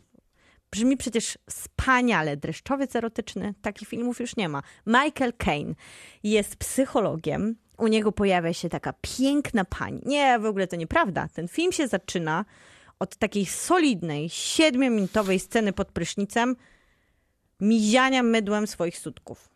Bo to w ogóle jest, jeżeli dobrze pamiętam, to to jest e, jeden z nielicznych filmów, który powstał poza Włochami, który jest. E, I mam nadzieję, że to jest Giallo, tak się czyta. Nie miał nigdzie tego dopisanego. W sensie ten specyficzny e, mm, horror włoski. Ja rozumiem, ale no, połączeń jest sporo, więc mógłby być, no. No. Pasowałoby. I to ale... jest jeden z tych filmów, które e, oglądaliśmy nie dlatego, że to był Brian De Palma, bo. Je, że, to był, że to jest film Briana De Palma, to ja się dowiedziałem dużo później. No i to jest go ciekawe, dlatego, że to wydawał jest się jego film. zwariowany. Ale nie, bo to dobrze się wpisuje w jego miłość do, do takich używek, seksu, brutalności. To wszystko ma A ja bym tak nie podpisywał Briana De Palmy. No. No, to obejrzy- prawda, ale na tych początkach jego to raczej jest tam taka dzi- dzikość serca filmowa. A, no to na pewno. Później on też dojrzewał jako twórca i reżyser i też opowiadał inne historie, ale na początku ewidentnie interesowało go to erotyczny, ten erotyczny dreszcz. No i tutaj Michael Caine jest psychologiem, który przyjmuje elegancką panią, którą poznaliśmy głównie patrząc na jej sutka przez pierwsze 7 minut i ona opowiada o swoich oczywiście frustracjach seksualnych związanych ze swoim mężem. Jest ubrana wyśmienicie. To jest też dla wszystkich, którzy kochają modę lata 80. to bohaterki tutaj no są kwintesencją wszystkich powrotów, które teraz mamy w modzie. Nasza bohaterka wyrusza do galerii i tam spotyka kogoś, który też jest na łowach i zostaje w końcu zaspokojona seksualnie, ale spotyka również mordercę w windzie, gdzie dochodzi do takiej bardzo slasherowej sceny przy użyciu bardzo ostrego przedmiotu. No i tutaj zaczyna się cała historia o poszukiwaniu tego mordercy. Jest y, syn tej pani, geniusz IT, kiedy to jeszcze było modne, geek, zanim chyba ktokolwiek znał słowo geek. Jest prostytutka, która pomaga, jest policjant, no i jest Michael Caine, który prawdopodobnie zna postać, która morduje. Tą właśnie postać przebraną do tego, by zabijać. No i to jest w ogóle ciekawy koncept, bo tam się pojawiają takie zabiegi filmowe i stylistyczne, jak na przykład podzielenie ekranu i oglądanie dwóch historii z dwóch różnych mieszkań. Tutaj Michael Caine słucha nagrania mordercy, a przy okazji na drugim ekranie widzimy prostytutkę, która okazuje się, sprzedaje swoje ciało, by móc inwestować na giełdzie. Taki twist i takie ciekawe połączenie, ale w obu wypadkach, w obu mieszkaniach w tle leci telewizor, gdzie osoba transseksualna opowiada o swojej transgresji. Lata 80., przypomnijmy. Więc częścią tego filmu w przybraniu mordercy jest też taki komentarz o transseksualności, który gdzieś myślę, że się gubi w tym, co chciał powiedzieć, ale to też jest spostrzeżenie z 2023 roku. Na pewno inaczej się to czytało w latach 80.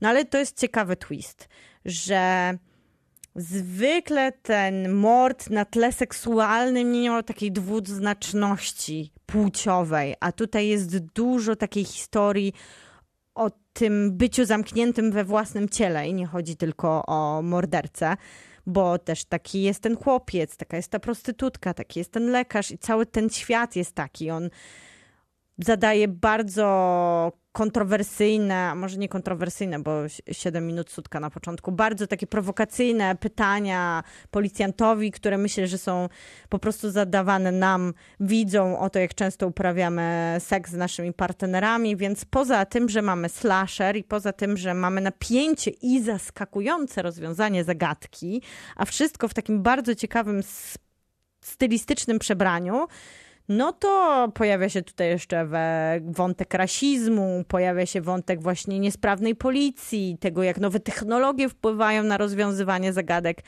1980 debiut. Super się to oglądało. To jest taki film, którym świetnie bym się bawiła ze znajomymi, ale też świetnie by się sprawdził na festiwalu i świetnie by się sprawdziły w galerii rzucane z niego obrazki. A ja się świetnie bawiłem ze znajomymi lata temu.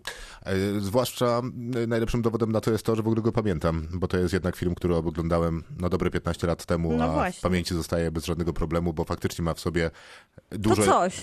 No to coś. Albo dużo innego, albo tego, czego nie mają konkurencja. Tak, a niby jest taki eksperymentalny i taki widać debiutancki, kiedy tam tak, ale... jeszcze jest kilka takich rzeczy, no, takich poślizgnięć. Tak, tak. w obrazku Jak przypominasz mi ten, ten film, to zawsze wtedy w takich wypadkach żałuję, że nie ma w Polsce festiwalu kina gatunkowego klasycznego. Jest oczywiście Splat Film Festival, który pokazuje współczesne kino e, gatunków horroru jest i grozy. Jest Octopus, który przypomina takie jest filmy. Jest Octopus, ale to jakby to nie jest ta skala. Tak, no I tak. Bardzo mnie dziwi, że w Polsce na festiwal Nowe Horyzonty przyjeżdża, no nie wiem, bagatela 60 tysięcy do 100 tysięcy osób, czyli no, no, tłum ludzi. Tak. A na kino gatunkowe, no chociażby takie, na Briana De Palmy, na rozmowę, y, też świetny film Briana De Palmy, nie jesteśmy w stanie jakby się zebrać, zorganizować. Ale myślę, że Dress to Kill by się świetnie odna odnalazło na Nowych Horyzontach. Na, nawet niekoniecznie na Nocnym Szaleństwie, na jakiejś retrospektywie Briana De Palmy, to byłby film, który na dużym ekranie działałby jeszcze lepiej. Briana De Palmy to chyba by zrobili bardziej na American Film Festival. To prawda. Y, dobrze, gdybym miał jeszcze jeszcze polecić jeden film, to jest jeden, który nie jestem pewien, czy o nim mówić, bo bo jest trudny. Dobre polecenie. Prawda? Mm-hmm, wiem, szanuję, że już, szanuję. wiem, że wszyscy są już zainteresowani. Ku mojemu mm-hmm. zdziwieniu odkryłem, że e, parę lat temu zrobił niezłą karierę na TikToku. To jest w ogóle trochę smutne, bo są takie filmy, które obejrzało się... Mm, i masz takie wrażenie, że to jest twój film, że obejrzałeś go tylko ty, że nikt z twoich znajomych go nie zna, mhm. ludzie go nie znają i generalnie jesteś w takim... Kiedyś eks... miałam cały czas takie wrażenie. Wiadomo, że jesteś w takim ekskluzywnym klubie, że to jest Własnym. twoje. Że to jest twoje. Ja i ten film, i to jest ta relacja z twoim filmem. Jak spotkasz jedną osobę, która go obejrzała, to masz wrażenie, że spotkałeś, wiesz, miłość życia. Albo, że ci go ukradła i musisz ją zepchnąć ze schodów. Bardziej mam takie wrażenie, od kiedy żyjemy tak jednoznacznie w internecie, czyli dosyć od dawna, że jakby nic nie jest twoje, wszystko jest wspólne mm -hmm. i trzeba mhm. się tym dzielić, co jest niewiarygodnie wręcz irytujące, bo nic w zasadzie nie można wygrzebać, więc y, wiesz, trzeba już naprawdę bardzo y, głęboko zejść do podziemia i oglądać najbardziej artystyczne kino z Nowych Horyzontów, żeby być w tym ekskluzywnym klubie e, ludzi e, sześciu, które w Polsce widziały jakiś film. No ale oczywiście był taki, olbrzymią przyjemność mi kiedyś sprawił film... Ale spokojnie, 13 duchów cię wysoko pozycjonuje. Że kiedyś go trochę osób obejrzało. Ale był taki wspaniały film jak Sklepik z horrorami, to taka komedia grozy. Absolutnie fenomenalna z e, tą sceną, w której e, miam, e, roślina... Miam. Co ona tam mówi? Żreć! Chcę żreć! No więc ja, Cudowne. Ja płakałem ze śmiechu wtedy. I Ach, jest to, cudowne. to jest wspaniałe wspomnienie ale z filmów straszliwie dziwnych, y, które w ogóle serdecznie polecam. Jak, kiedyś bym spotkał panią z mojej wypożyczalni kaset, która była sieciową... Która wujkowi na bank podrzuciła Nie, nie, nie, nie bo, bo wujek nie mieszkał we Wrocławiu. E, a to jest moja szkoda. wypożyczalnia, moja prywatna, do której jeździliśmy ze znajomymi tuż po zrobieniu prawa jazdy zresztą. E, I to była sieciowa wypożyczalnia. Beverly Hills się nazywała. Oczywiście. Już nie istnieje, ale Ja też miałam taką w Bielsku. Miała naprawdę świetny, świetny, świetny zapas najróżniejszych filmów i kaset. było bardzo śmieszne, bo była też strefa filmów erotycznych i wiesz, kto stał na straży, gdzie i na klatce miał napisane filmy erotyczne? Schwarzenegger? To było niezłe, ale nie, za łatwe. Są Darth Vader, taki kartonowy. Nice. Tak, bardzo dobre. I gdybym y, tą Geekowski taki touch. I gdybym tę panią z tej wypożyczalni kaset Beverly Hills naprawdę gdzieś spotkał na ulicy, bym jej podziękował, bo miała e, gust doprawdy nie byle jaki. Otóż poleciła nam swojego czasu, bo my tam jak zawsze przechodziliśmy po horrory, mm, więc poleciła nam film, który nazywa się Zęby. I To jest amerykański horror komediowy z 2007 roku, e, który trochę bawi się z taką, z takim mitem, który nazywa się Vagina dentata. I no i generalnie o tym jest e, film. Tam są te zęby. E, tak, no bo to jest taki, wiesz, mit e, dominacji No tak, seksualnej oczywiście, kobiet nad oczywiście. mężczyznami, a główną bohaterką z kolei jest przedstawicielka... Waginy. E, No nie, ale główną bohaterką jest przedstawicielka takiego chrześcijańskiego koła. E, no, zainteresowań wszelakich i wiesz, seksu pomałżeńskiego i, i, i tego rodzaju rzeczy. No i jest to film zwariowany. I w sensie nie da się go obejrzeć na poważnie i on ani trochę nie próbuje Ja nie być sądzę, poważny. żeby te filmy starały się być poważne. Nie, nie, nie. A no który to był rok? 2007. I on A, jest... taki późny, Tak, bo i lata on- 90. i on to jest- była taka I on fala jest w takich. pełni, naprawdę nie pamiętasz lat 2000 mam wrażenie. E, No, I, ale- on, I on w pełni świadomie jest komedią. Natomiast jest komedią, która jest też horrorem. I kiedy dochodzi do niektórych y, dentujących scen, no to jest to horror. Boisz się. No nie, no nie boisz się, to jest raczej wiesz, taki gore, ale zupełnie dobrze robiony. No to podobnie było z e, Wstrząsami. Filmem, który był czarną komedią. Pamiętasz to? Ro Wielkie Robaki. Trochę Duna, tylko w wersji mniejszy budżet. Trochę na strasznie. I dużo mniej talentu. No, Chociaż tam chyba nie wiem, Duna, no właśnie, nie wiem też jakiego talentu by poszukiwać w wstrząsach, ale niby było zabawniej, niby było śmieszniej, wielkie larwy pod ziemią, ale było trochę strasznie. Mm. I to ja tu dorzucę lament, który jest Nie, do znależy, ale tylko Nie, powiem, że absolutnie, nic nie to jest dorzucamy. koreański horror, który ma momenty comic reliefu, które nie są śmieszne, więc ciężko tutaj szukać takich elementów, ale to jest ta różnica poczucia humoru, ale to jest świetny horror Doskonale. do zobaczenia na platformie. Kinotok. Film. Zabójca, czyli The Killer Davida Finchera trafił do... No właśnie nie wiem, gdzie on trafił, bo chciałem powiedzieć, że do kin, ale on tak nie do końca trafił do kin. To jest film Netflixa, bo David Fincher ma z nimi y, umowę, stąd przecież Netflixowy Mank, stąd y, też serial o seryjnych zabójcach y, Mindhunter, ale... No tak, ale jest czasami się decydują na jakąś ograniczoną dystrybucję. podobnie Mank miał było- w miarę pełną. przy psich pazurach na przykład. Tak, to, że to nie, nie Davida Finchera film, natomiast Mank miał tam jakąś ograniczoną dystrybucję, natomiast Zabójca ma najbardziej skromną dystrybucję, jaka jest chyba wyobrażalna, bo o ile we Wrocławiu mamy dwa seanse dziennie, o tyle mm, w innych miastach nie ma tych seansów w ogóle. A jak są to mniejsze miasta, nie wojewódzkie, stolice, no to w ogóle mam wrażenie, że ze świecą szukać i zapomnij. Dlatego 10 listopada na platformie Netflix prawdopodobnie dla niektórych to będzie jedyna szansa, żeby ten film zobaczyć. No chyba, że się wybiorą do kina z tą ograniczoną dystrybucją. Nam się we Wrocławiu udało zobaczyć ten film w kinie. I pomysł na opowiadanie jest ciekawy. W sensie punkt wyjścia opowiadania tej historii to komiks. I to mnie zaskoczyło. Tak jakoś mniej to pasuje do Finchera niż cokolwiek innego. Alexis Matt Nolenta i Luke Jakamona. Mam nadzieję, że pięknie to powiedziałam Na pewno, nie, no fenomenalnie. I to powieść graficzna pod tym, pod tym samym tytułem jak angielski The Killer. A za scenariusz odpowiada Andrew Kevin Walker, który pisał już wcześniej razem z Fincherem 7, ale też napisał Sleepy Hollow, czy pisał scenariusz dla Wong, Wong Ka- Kar-wai'a, czy pisał scenariusz do 8 mm. No właśnie, David Fincher to przecież Obcy 3, 7, gra, Podziemny Krąg i to są, uwaga, zaledwie pierwsze jego filmy. Później był jeszcze, moim zdaniem, świetny i niedoceniany Azyl i proszę zmienić moje zdanie, no ale Zodiak czy The Social Network, jeden z najwybitniejszych filmów ostatniej dekady, Dziewczyna z tatuażem, nigdy niestety nie kontynuowana, Mank ostatnio e, i teraz po trzyletniej, chociaż pewnie z plusem, jakbyśmy liczyli miesiącami, e, przerwie On The jeszcze Killer, robił dla Netflixa. polski zabójca. Love, Death and Robots. Y, No tak, Tutaj poczę- mogłem się pomylić z szykiem, ale... Y, Tak, po części, bo robił to z Timem Millerem, Tak. zdaje się, reżyserem Deadpoola, ale no przecież robił właśnie Mindhuntera, robił Tak. House of Cards, więc no David Fincher dotykał wielu projektów, więc Nie jest to odpoczywa. twórca, nie, nie, nie, nie odpoczywa, jest to na pewno twórca, który y, lubi pracować, y, co być może w kontekście filmu Zabójca, a będzie dla nas jakimś y, istotnym kluczem interpretacyjnym, bo wydaje mi się, że jakby nie ma innej drogi. Tutaj też istotne jest, że widzimy po długiej przerwie Michaela Fassbendera, bo on nie grał ostatnio i to jest jego rok powrotu, bo zobaczymy go również u my nie, niebawem na American Film Festival w nowym filmie Taikiego Waititiego.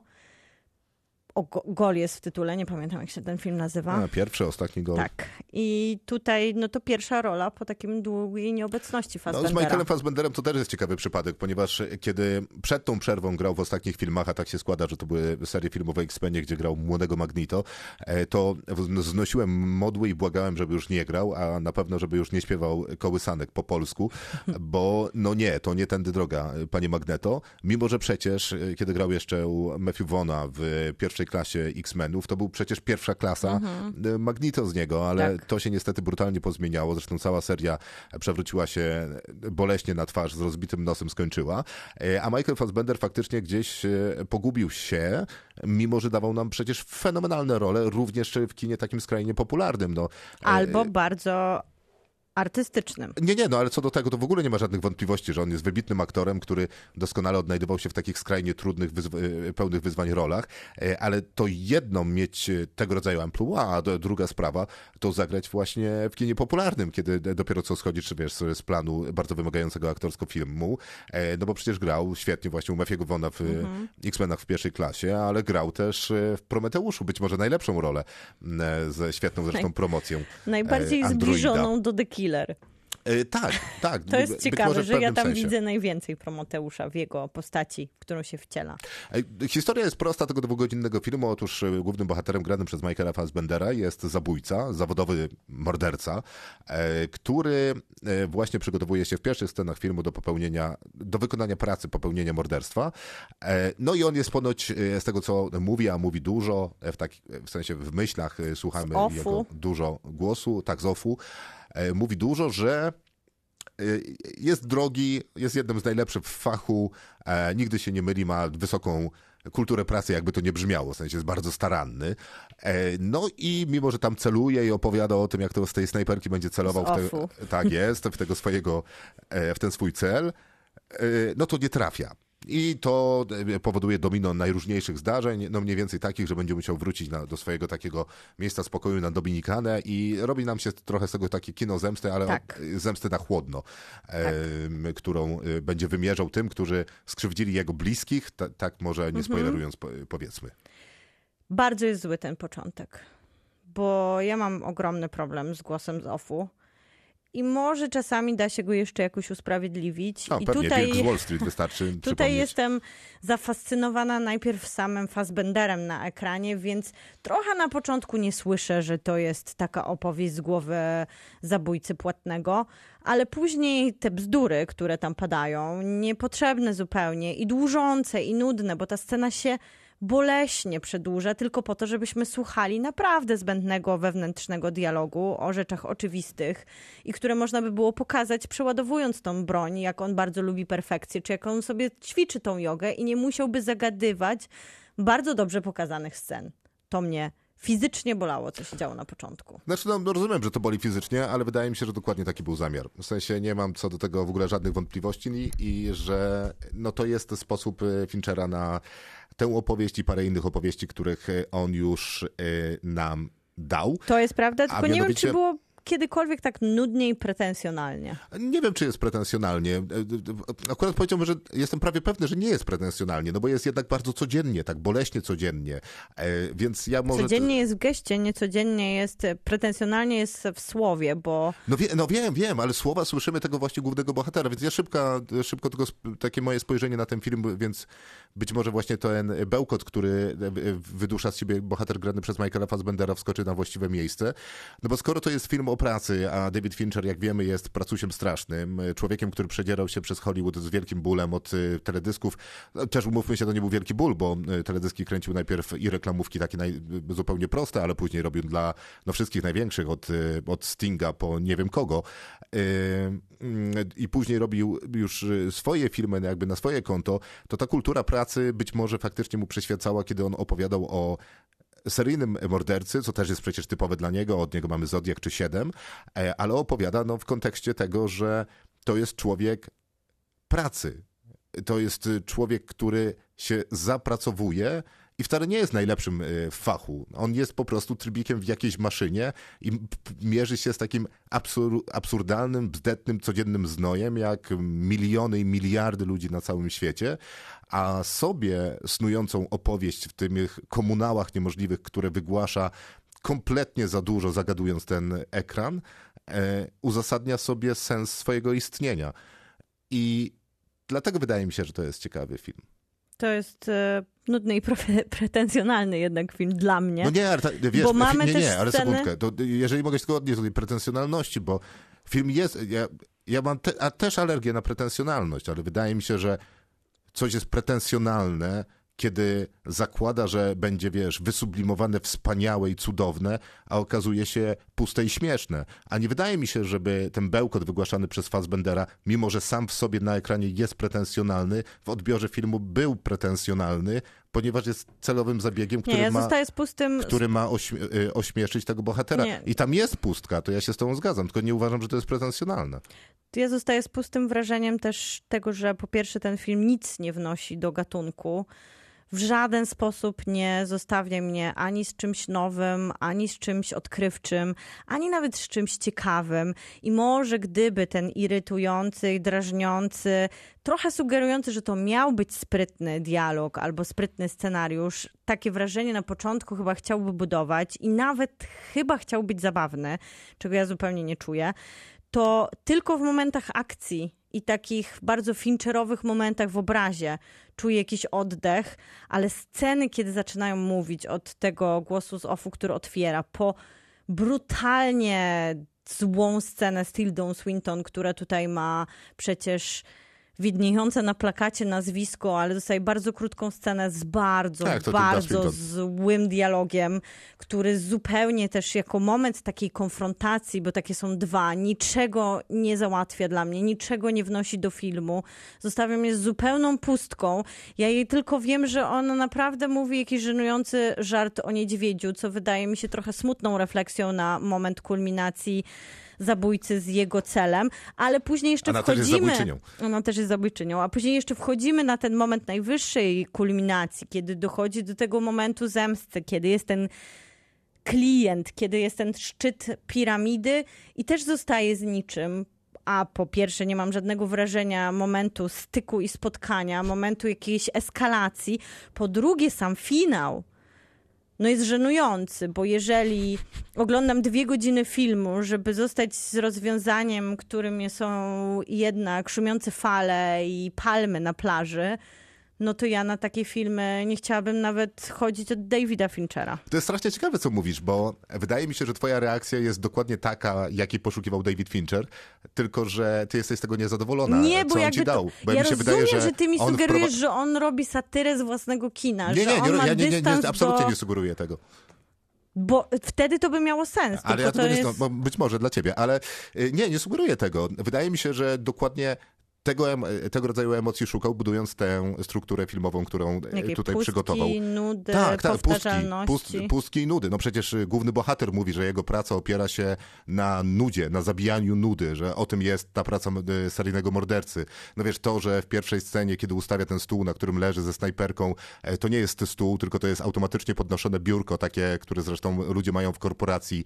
To jest y, krytyka codziennej pracy, znoju korporacyjnego, korporacyjnej swojej codzienności jest. dokładnie takich samych żyć. Jest, jeżeli będziesz chciała to zauważyć. Nie, je, Wiesz, nie e, jest, bo nie mogę tego kawa, zauważyć, kawa bo jestem, pita, e, bo jestem sekundkę, ja zaraz przy, skończę. ale poczekaj, ja nie mogę tego Ja nie chcę, zauważyć, poczekaj, bo bo chcę jestem skończyć. Kawa pita ze Starbucksa, gnębiona to cytatami, mogę skończyć, czy nie? To fajnie, to skończę. E, Rzeczy zamawiane e, z Amazona to jest e, być może faktycznie zredukowanie e, mordercy tylko i wyłącznie do te, e, nie do jakiejś niewiarygodnej, niesamowitej e, pracy, tak jak e, kaza, każe nam wierzyć chociażby David Fincher e, w swoim serialu Mindhunter, gdzie tworzy e, z tych seryjnych morderców, wiesz, trochę takich nadludzi, geniuszy, demiurgów. e, No ale sam sobie niewie- zaprzeczasz, bo później Dlaczego? przecież on jest już tym wielkim mordercą, który może się zemścić na każdym i wejść do najbardziej chronionego mężczyzny na szczycie zamku. Jeżeli by to sprowadzić do scen, No tak, ale- ale wtedy to może robi? ten film Robi to- jest ciekawy, a- kiedy on ubiera No jak przecież rękawiczki on i je białko, E, czekaj, no ale to- ale później jednak morduje i bije się i biega i jest to napięcie, jest film o zabijaniu i o zemście, więc Przecież kiedy, kiedy włamuje się do tego najbardziej zabezpieczonego budynku, robi to e, urządzeniem, które zamawia za 12,99 z Amazona. To no ale dlate- czy to ma znaczenie, jak on to robi? No, ta, nie no, ma no, dla no, mnie. ale- no, no ma znaczenie, to jeżeli nie będziemy, wiesz, jeżeli stwierdzimy, że nie patrzymy na e, połowę filmu, no to faktycznie to nie ma znaczenia. No ale nie, to jest ma- bardzo profesjonalnie przygotowany zabójca, któremu czasami wystarczy urządzenie no z tak, jest, Amazona. tak, jest bardzo A profesjonalny. czasami mu, trzeba, trze, musi przemyśleć cały system, jak się włamać do swojego pracodawcy. Tak, I jest- mamy różne perspektywy tak, tego, tak. tej pracy. Bo, no, dokładnie, bo jest bardzo profesjonalnym zabójcą, tylko że jakby spróbuj wyjąć z kontekstu zabójcę, nie? Zabójca miałby być tylko e, jakby daniem, na którym on układa opowieść o e, ludziach pracy i codzienności nie tej układa pracy. żadnej No, opowieści. ja, ale, no, w sensie nie tru- ma tam żadnej Jak? Tru- opowieści. Akurat trudno nie zauważyć tego, że nie ma tej opowieści tam. Nawet kiedy on mówi o e, jednej z osób, o jednej z osób, o jednej osobie. Jak to się odmienia? Kiedy zabija jedną z osób w filmie, to on mówi, że takim beznamiętnym głosem, że to jest labor intensive. Kiedy idzie na lotnisko, ktoś mu mówi, że ma pan już e, tak dużo mil, że dostanie pan jakiś tam bonus. No to jest opowieść o człowieku pracy, to jest opowieść o zabójcy, ale y, która przekłada się w zasadzie na historię niewiele bardziej ekscytującą od przedstawiciela handlowego, który tam, nie wiem, Właśnie sprzedaje znowu coś tam. niezgoda. Są momenty Znaczy, ja wielkiej rozumiem, że się nie zgadzasz, ekscytacji gdzie w są momenty wielkiej filmie ekscytacji? i są momenty wielkiego napięcia, takie klasycznego skina właśnie o zabójcy, o... A, Całe to kino zemsty i te momenty takiego zderzenia, brutalności fincherowskiej spociły mi się ręce. A przecież Kiedy- tu, nie, tu nie ma e, e, przemocy fincherowskiej. Jest, przecież jest jedyna taka i fajna najdłuższa w scena walki. cieniu. Najdłuższa i, e, scena walki w tym filmie, w zasadzie w gruncie rzeczy chyba jedyna, no, to, tam, no powiedzmy, że jedyna, e, taka pełnoprawna, no to jest w zasadzie sam slapstick. Ona jest przedłużona przecież do jakiejś absolutnej niemożliwości wytrzymałości ludzkiego ciała e, i, e, e, i, i w No i zasadzie... nie czujesz tam napięcia?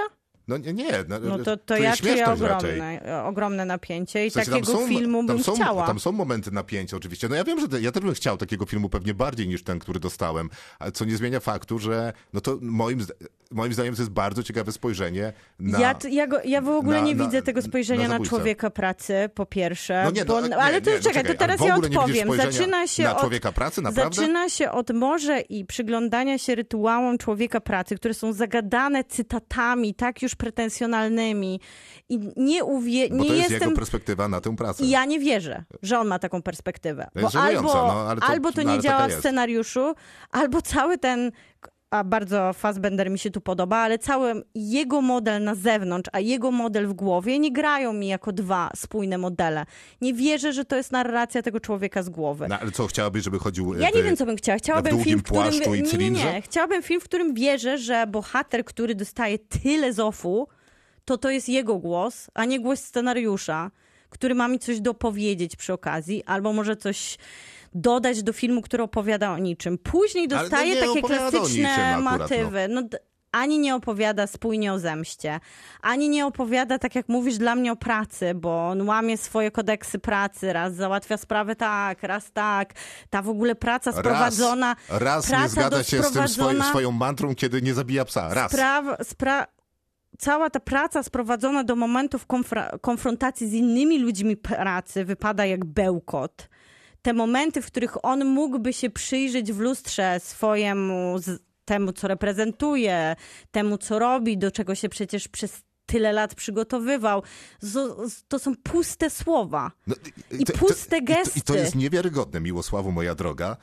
Już że- dawno nie słyszałam takiego widzisz- bełkotu na Widzisz ekranie. tę pustkę i bełkot i uważasz, że to jest błąd, a ja uważam, że jest wręcz przeciwnie. Ja widzę na że, przykład... to, je- to, że, pu- że Fincher chce powiedzieć pustka i bełkot, codzienny znój pracy. super by było, gdyby nie mówił dialogiem, bo momenty No, nie zakładania rękawiczek, To, że po- poczekaj, powtarza coś- momenty zakładania Ale nie- nie rękawiczek, możesz mówić, kiedy ja jada- zaczynam mówić, poczekaj i mówić dalej, bo to nie ma jedzenia białka, przygotowywania całego swojego planu na za... Proszę? No nie, nieważne. No, momenty jedzenia, zakładania rękawiczek, przygotowywania kolejnych morderstw, kiedy przyglądamy się bez słowa w tle temu, co robi nasz bohater, to są momenty, w których faktycznie mogłam zrozumieć tą narrację pracy. Ale później są momenty, w których padają dialogi. Jak ten moment, no jaka jest, jaka jest siła tego finału? Spotkania z człowiekiem, na którym on by chciał, a co się dzieje później, to my nie będziemy spoilerować, e, swoją zemstę, swoją, swój cel. To jest jego cel całej wielkiej i długiej podróży. Jaki jest sens tej opowieści? Z czym zostajemy, kiedy film się kończy? A teraz ja. E, No pytam cię, z czym zostajemy, jak ten film się kończy? Nie wiem, czy chcę odpowiadać na to pytanie, bo wydaje mi się, że jest dosyć masywnym spoilerem, ale cóż, jeżeli muszę, to muszę. No, moim zdaniem to ma być spotkanie z twoim szefem, tym e, prezesem, który z całą pewnością, kiedy O, spotkałby się z wow. tobą, to doceniłby e, twoje wysiłki. E, Ale jako, że do tych spotkań nie dochodzi albo dochodzi i kończą się w zasadzie niczym, bo prezes nie jest zainteresowany tym, kim jesteś, e, to to jest opowieść o tym, że jesteś trybikiem w maszynie i to, że jesteś niewiarygodnym zabójcą w swoim własnym widzimisię i opowiadasz sobie jakąś epicką e, historię o sobie, to nie znaczy, że ta epicka historia o... On nie opowiada to- żadnej epickiej historii o sobie. No, przepraszam, no ale za każdym razem, kiedy powtarza tę swoją niewiarygodną mantrę, mówi, że nikogo na niego nie stać, a poza tym widzimy jego dom i skalę rozmachu e, tego domu, no to zakładam, że e, skądś to przekonanie o własnej wspaniałości się bierze. Tylko ta własna wspaniałość w tym filmie jest wyrażona pożyczaniem busa i sprzątaniem go kerszerem o drugiej w nocy, popijaniem e, najtańszej e, kawy i lataniem z lotniska na lotnisko, życiem e, w ciągłym stresie na lotniskowym e, hotelu, nad którym lata samolot, który nie pozwala ci zasnąć w z nożem w ręku. No dla mnie to jest tak jasna, prosta i oczywista narracja i opowieść o takiej beznadziei e, codziennej pracy, dla której jesteś w stanie, wiesz, poświęcić wszystko, zarżnąć się i zrezygnować w zasadzie ze Ale swojego... on nie poświęca niż dla swojej pracy. I zrezygnować ze swojego życia, że w zasadzie to jest prześmieszne, jak e, dobrą historią e, jest ta o takim work-life balance na kanwie historii e, mordercy. Nie ma tam tej historii. A żeby Nie ma tam tej Miłka, historii. zaklinaj rzeczywistość tak samo często, jak on powtarza Jest tę ze mantrę, po- efekt będzie taki sam, ze jak, jak Michael jak Fassbender mówisz, mówiący ciągle to samo. Jest ze I- swoim prezesem w korporacji i jedyna myśl jest z tego taka, co też mówi, i to jest w tym dialogu, żeby nie było, że to jest jego konfrontacja z symbolicznym panem jego pracy. On po prostu nie może go zabić, bo mu się to nie opłaca. To jest jedyna myśl, jaka przyświeca temu. Przypomnijmy To- to- sobie to najgorsza myśl. wyśmienitą scenę, kiedy idzie po klatce schodowej i z ofu szczyt pretensjonalności przypomina sobie wszystkie dialogi kilku ostatnich miesięcy. To jest scena, która, którą nie wiem, jak idziemy po korytarzu w naszej pracy, to odtwarzamy sobie, idąc za tą twoją e, ciekawą interpretacją człowieka pracy, odtwarzamy sobie nasze dialogi z domu, z kuchni, z biura, żeby przypomnieć sobie, co mamy nie powiedzieć do, do naszego prezesa, bo tam nie ma nic powiedzianego. To jest po prostu No jest zwykle rzeczy- kalkulacja, rzeczy, że których- jemu się nie opłaca. Jest wiele rzeczy, które chcielibyśmy powiedzieć e, swoim prezesom, a nigdy nie powiemy. No, ale tak, on tak, tego nie- ani tak nie wygląda mówi. relacja pracy. To nie E, jest To jest w ogóle bardzo prezes. ciekawe, e, że ten film niewiarygodnie wręcz kojarzył mi się z filmem Perfect Days Wima Wendersa, który też jest filmem cichym, wolnym i skupionym na pracy. Tam akurat głównym bohaterem jest człowiek, który sprząta niewiarygodną sieć e, szaletów w Tokio, zdaje się, a na pewno gdzieś w Japonii. Największa sieć, e, sieć szaletów na świecie. I to jest pochwała codziennej pracy zakończona książeczką e, wymagającej literatury. Tutaj to jest pogarda pracy, zawodu, który powinien być najbardziej pogardzanym na świecie w wykonaniu Davida Finchera. Ona mu się bardzo przydaje ten zawód do dokończenia swojego celu, który nie jest spotkaniem się ze swoim szefem, tylko jest zwykłą, klasyczną, wpisaną w gatunek zemstą. I on po prostu przecież nie dokonuje tej wykorzystuje... zemsty.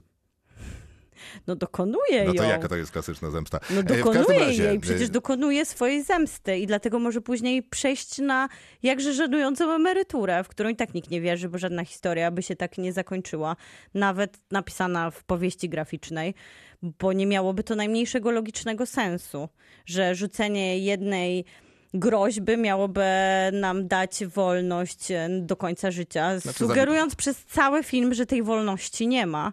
No, je, są to nielogiczne rozwiązania w gatunku. Naprawdę w żaden scenariusz nie brzmi tak irracjonalnie w kinie zemsty, w opowiadaniu o zabójcy, który staje jakby przed pułapką tego, jaki zawód wybrał.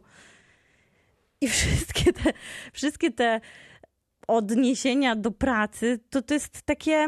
To jest film, który może ma momenty ciśnienia, może ma momenty akcji, może nawet przypomina o takim świetnym, perfekcyjnym kinie Finchera, ale później staje się taki bezwładny, bezsensowny, właśnie nie opowiadający żadnej szczególnej historii, tylko gubiący się w tym, że chciałby chyba być komentarzem, chciałby coś powiedzieć i chciałby być traktowany z większym szacunkiem niż na niego zasługuje.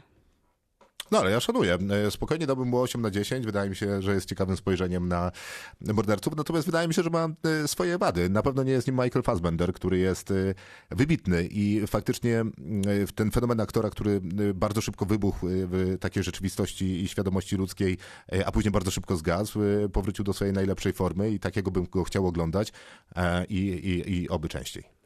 No a oceniamy? Ile mu dajesz? Nie, 8 dałem. A, przed dajesz mu moment- osiem. momentem. No to Fassbendera naprawdę bardzo lubię i tutaj stara się zrobić kino z kina, które nie istnieje. Nic świeżego, nic w ogóle w treści nie wniósł ten film w moje życie. Poza obrazem, którym ta perfekcja Finchera, to mój partner na to zwrócił uwagę, tylko on tak kręci filmy, że kiedy jest scena, kiedy bohater wychodzi z samochodu, to jedzie za nim czerwona kija i kiedy on obchodzi swój samochód, to zawsze w tej scenie jest w danym momencie, w którym powinna być ta sama czerwona kija, tylko Fincher jest tak perfekcyjny, żeby dopiąć to do ostatnie, na ostatni guzik i myślę, że jest spore fanostwo, które właśnie obserwuje takie, takie sceny w filmie, które są właśnie bardzo jego. To jest 6 na 10. I to było wszystko na, na dzisiaj w Kinotoku. Bardzo uprzejmie dziękujemy i zapraszamy na Spotify'a i także wszędzie tam, gdzie słuchacie podcastów. E, Być może nawet niedługo na YouTubie, bo tam też rzekomo sporo osób ich e, słucha. Bardzo dziękuję. Krzysztof Majewski. Miłosława Bożek. Dobranoc, e, jako że nie ma Macieja Stasierskiego, to sobie pozwolę. Kinotok. Tuż przed wyjściem do kina.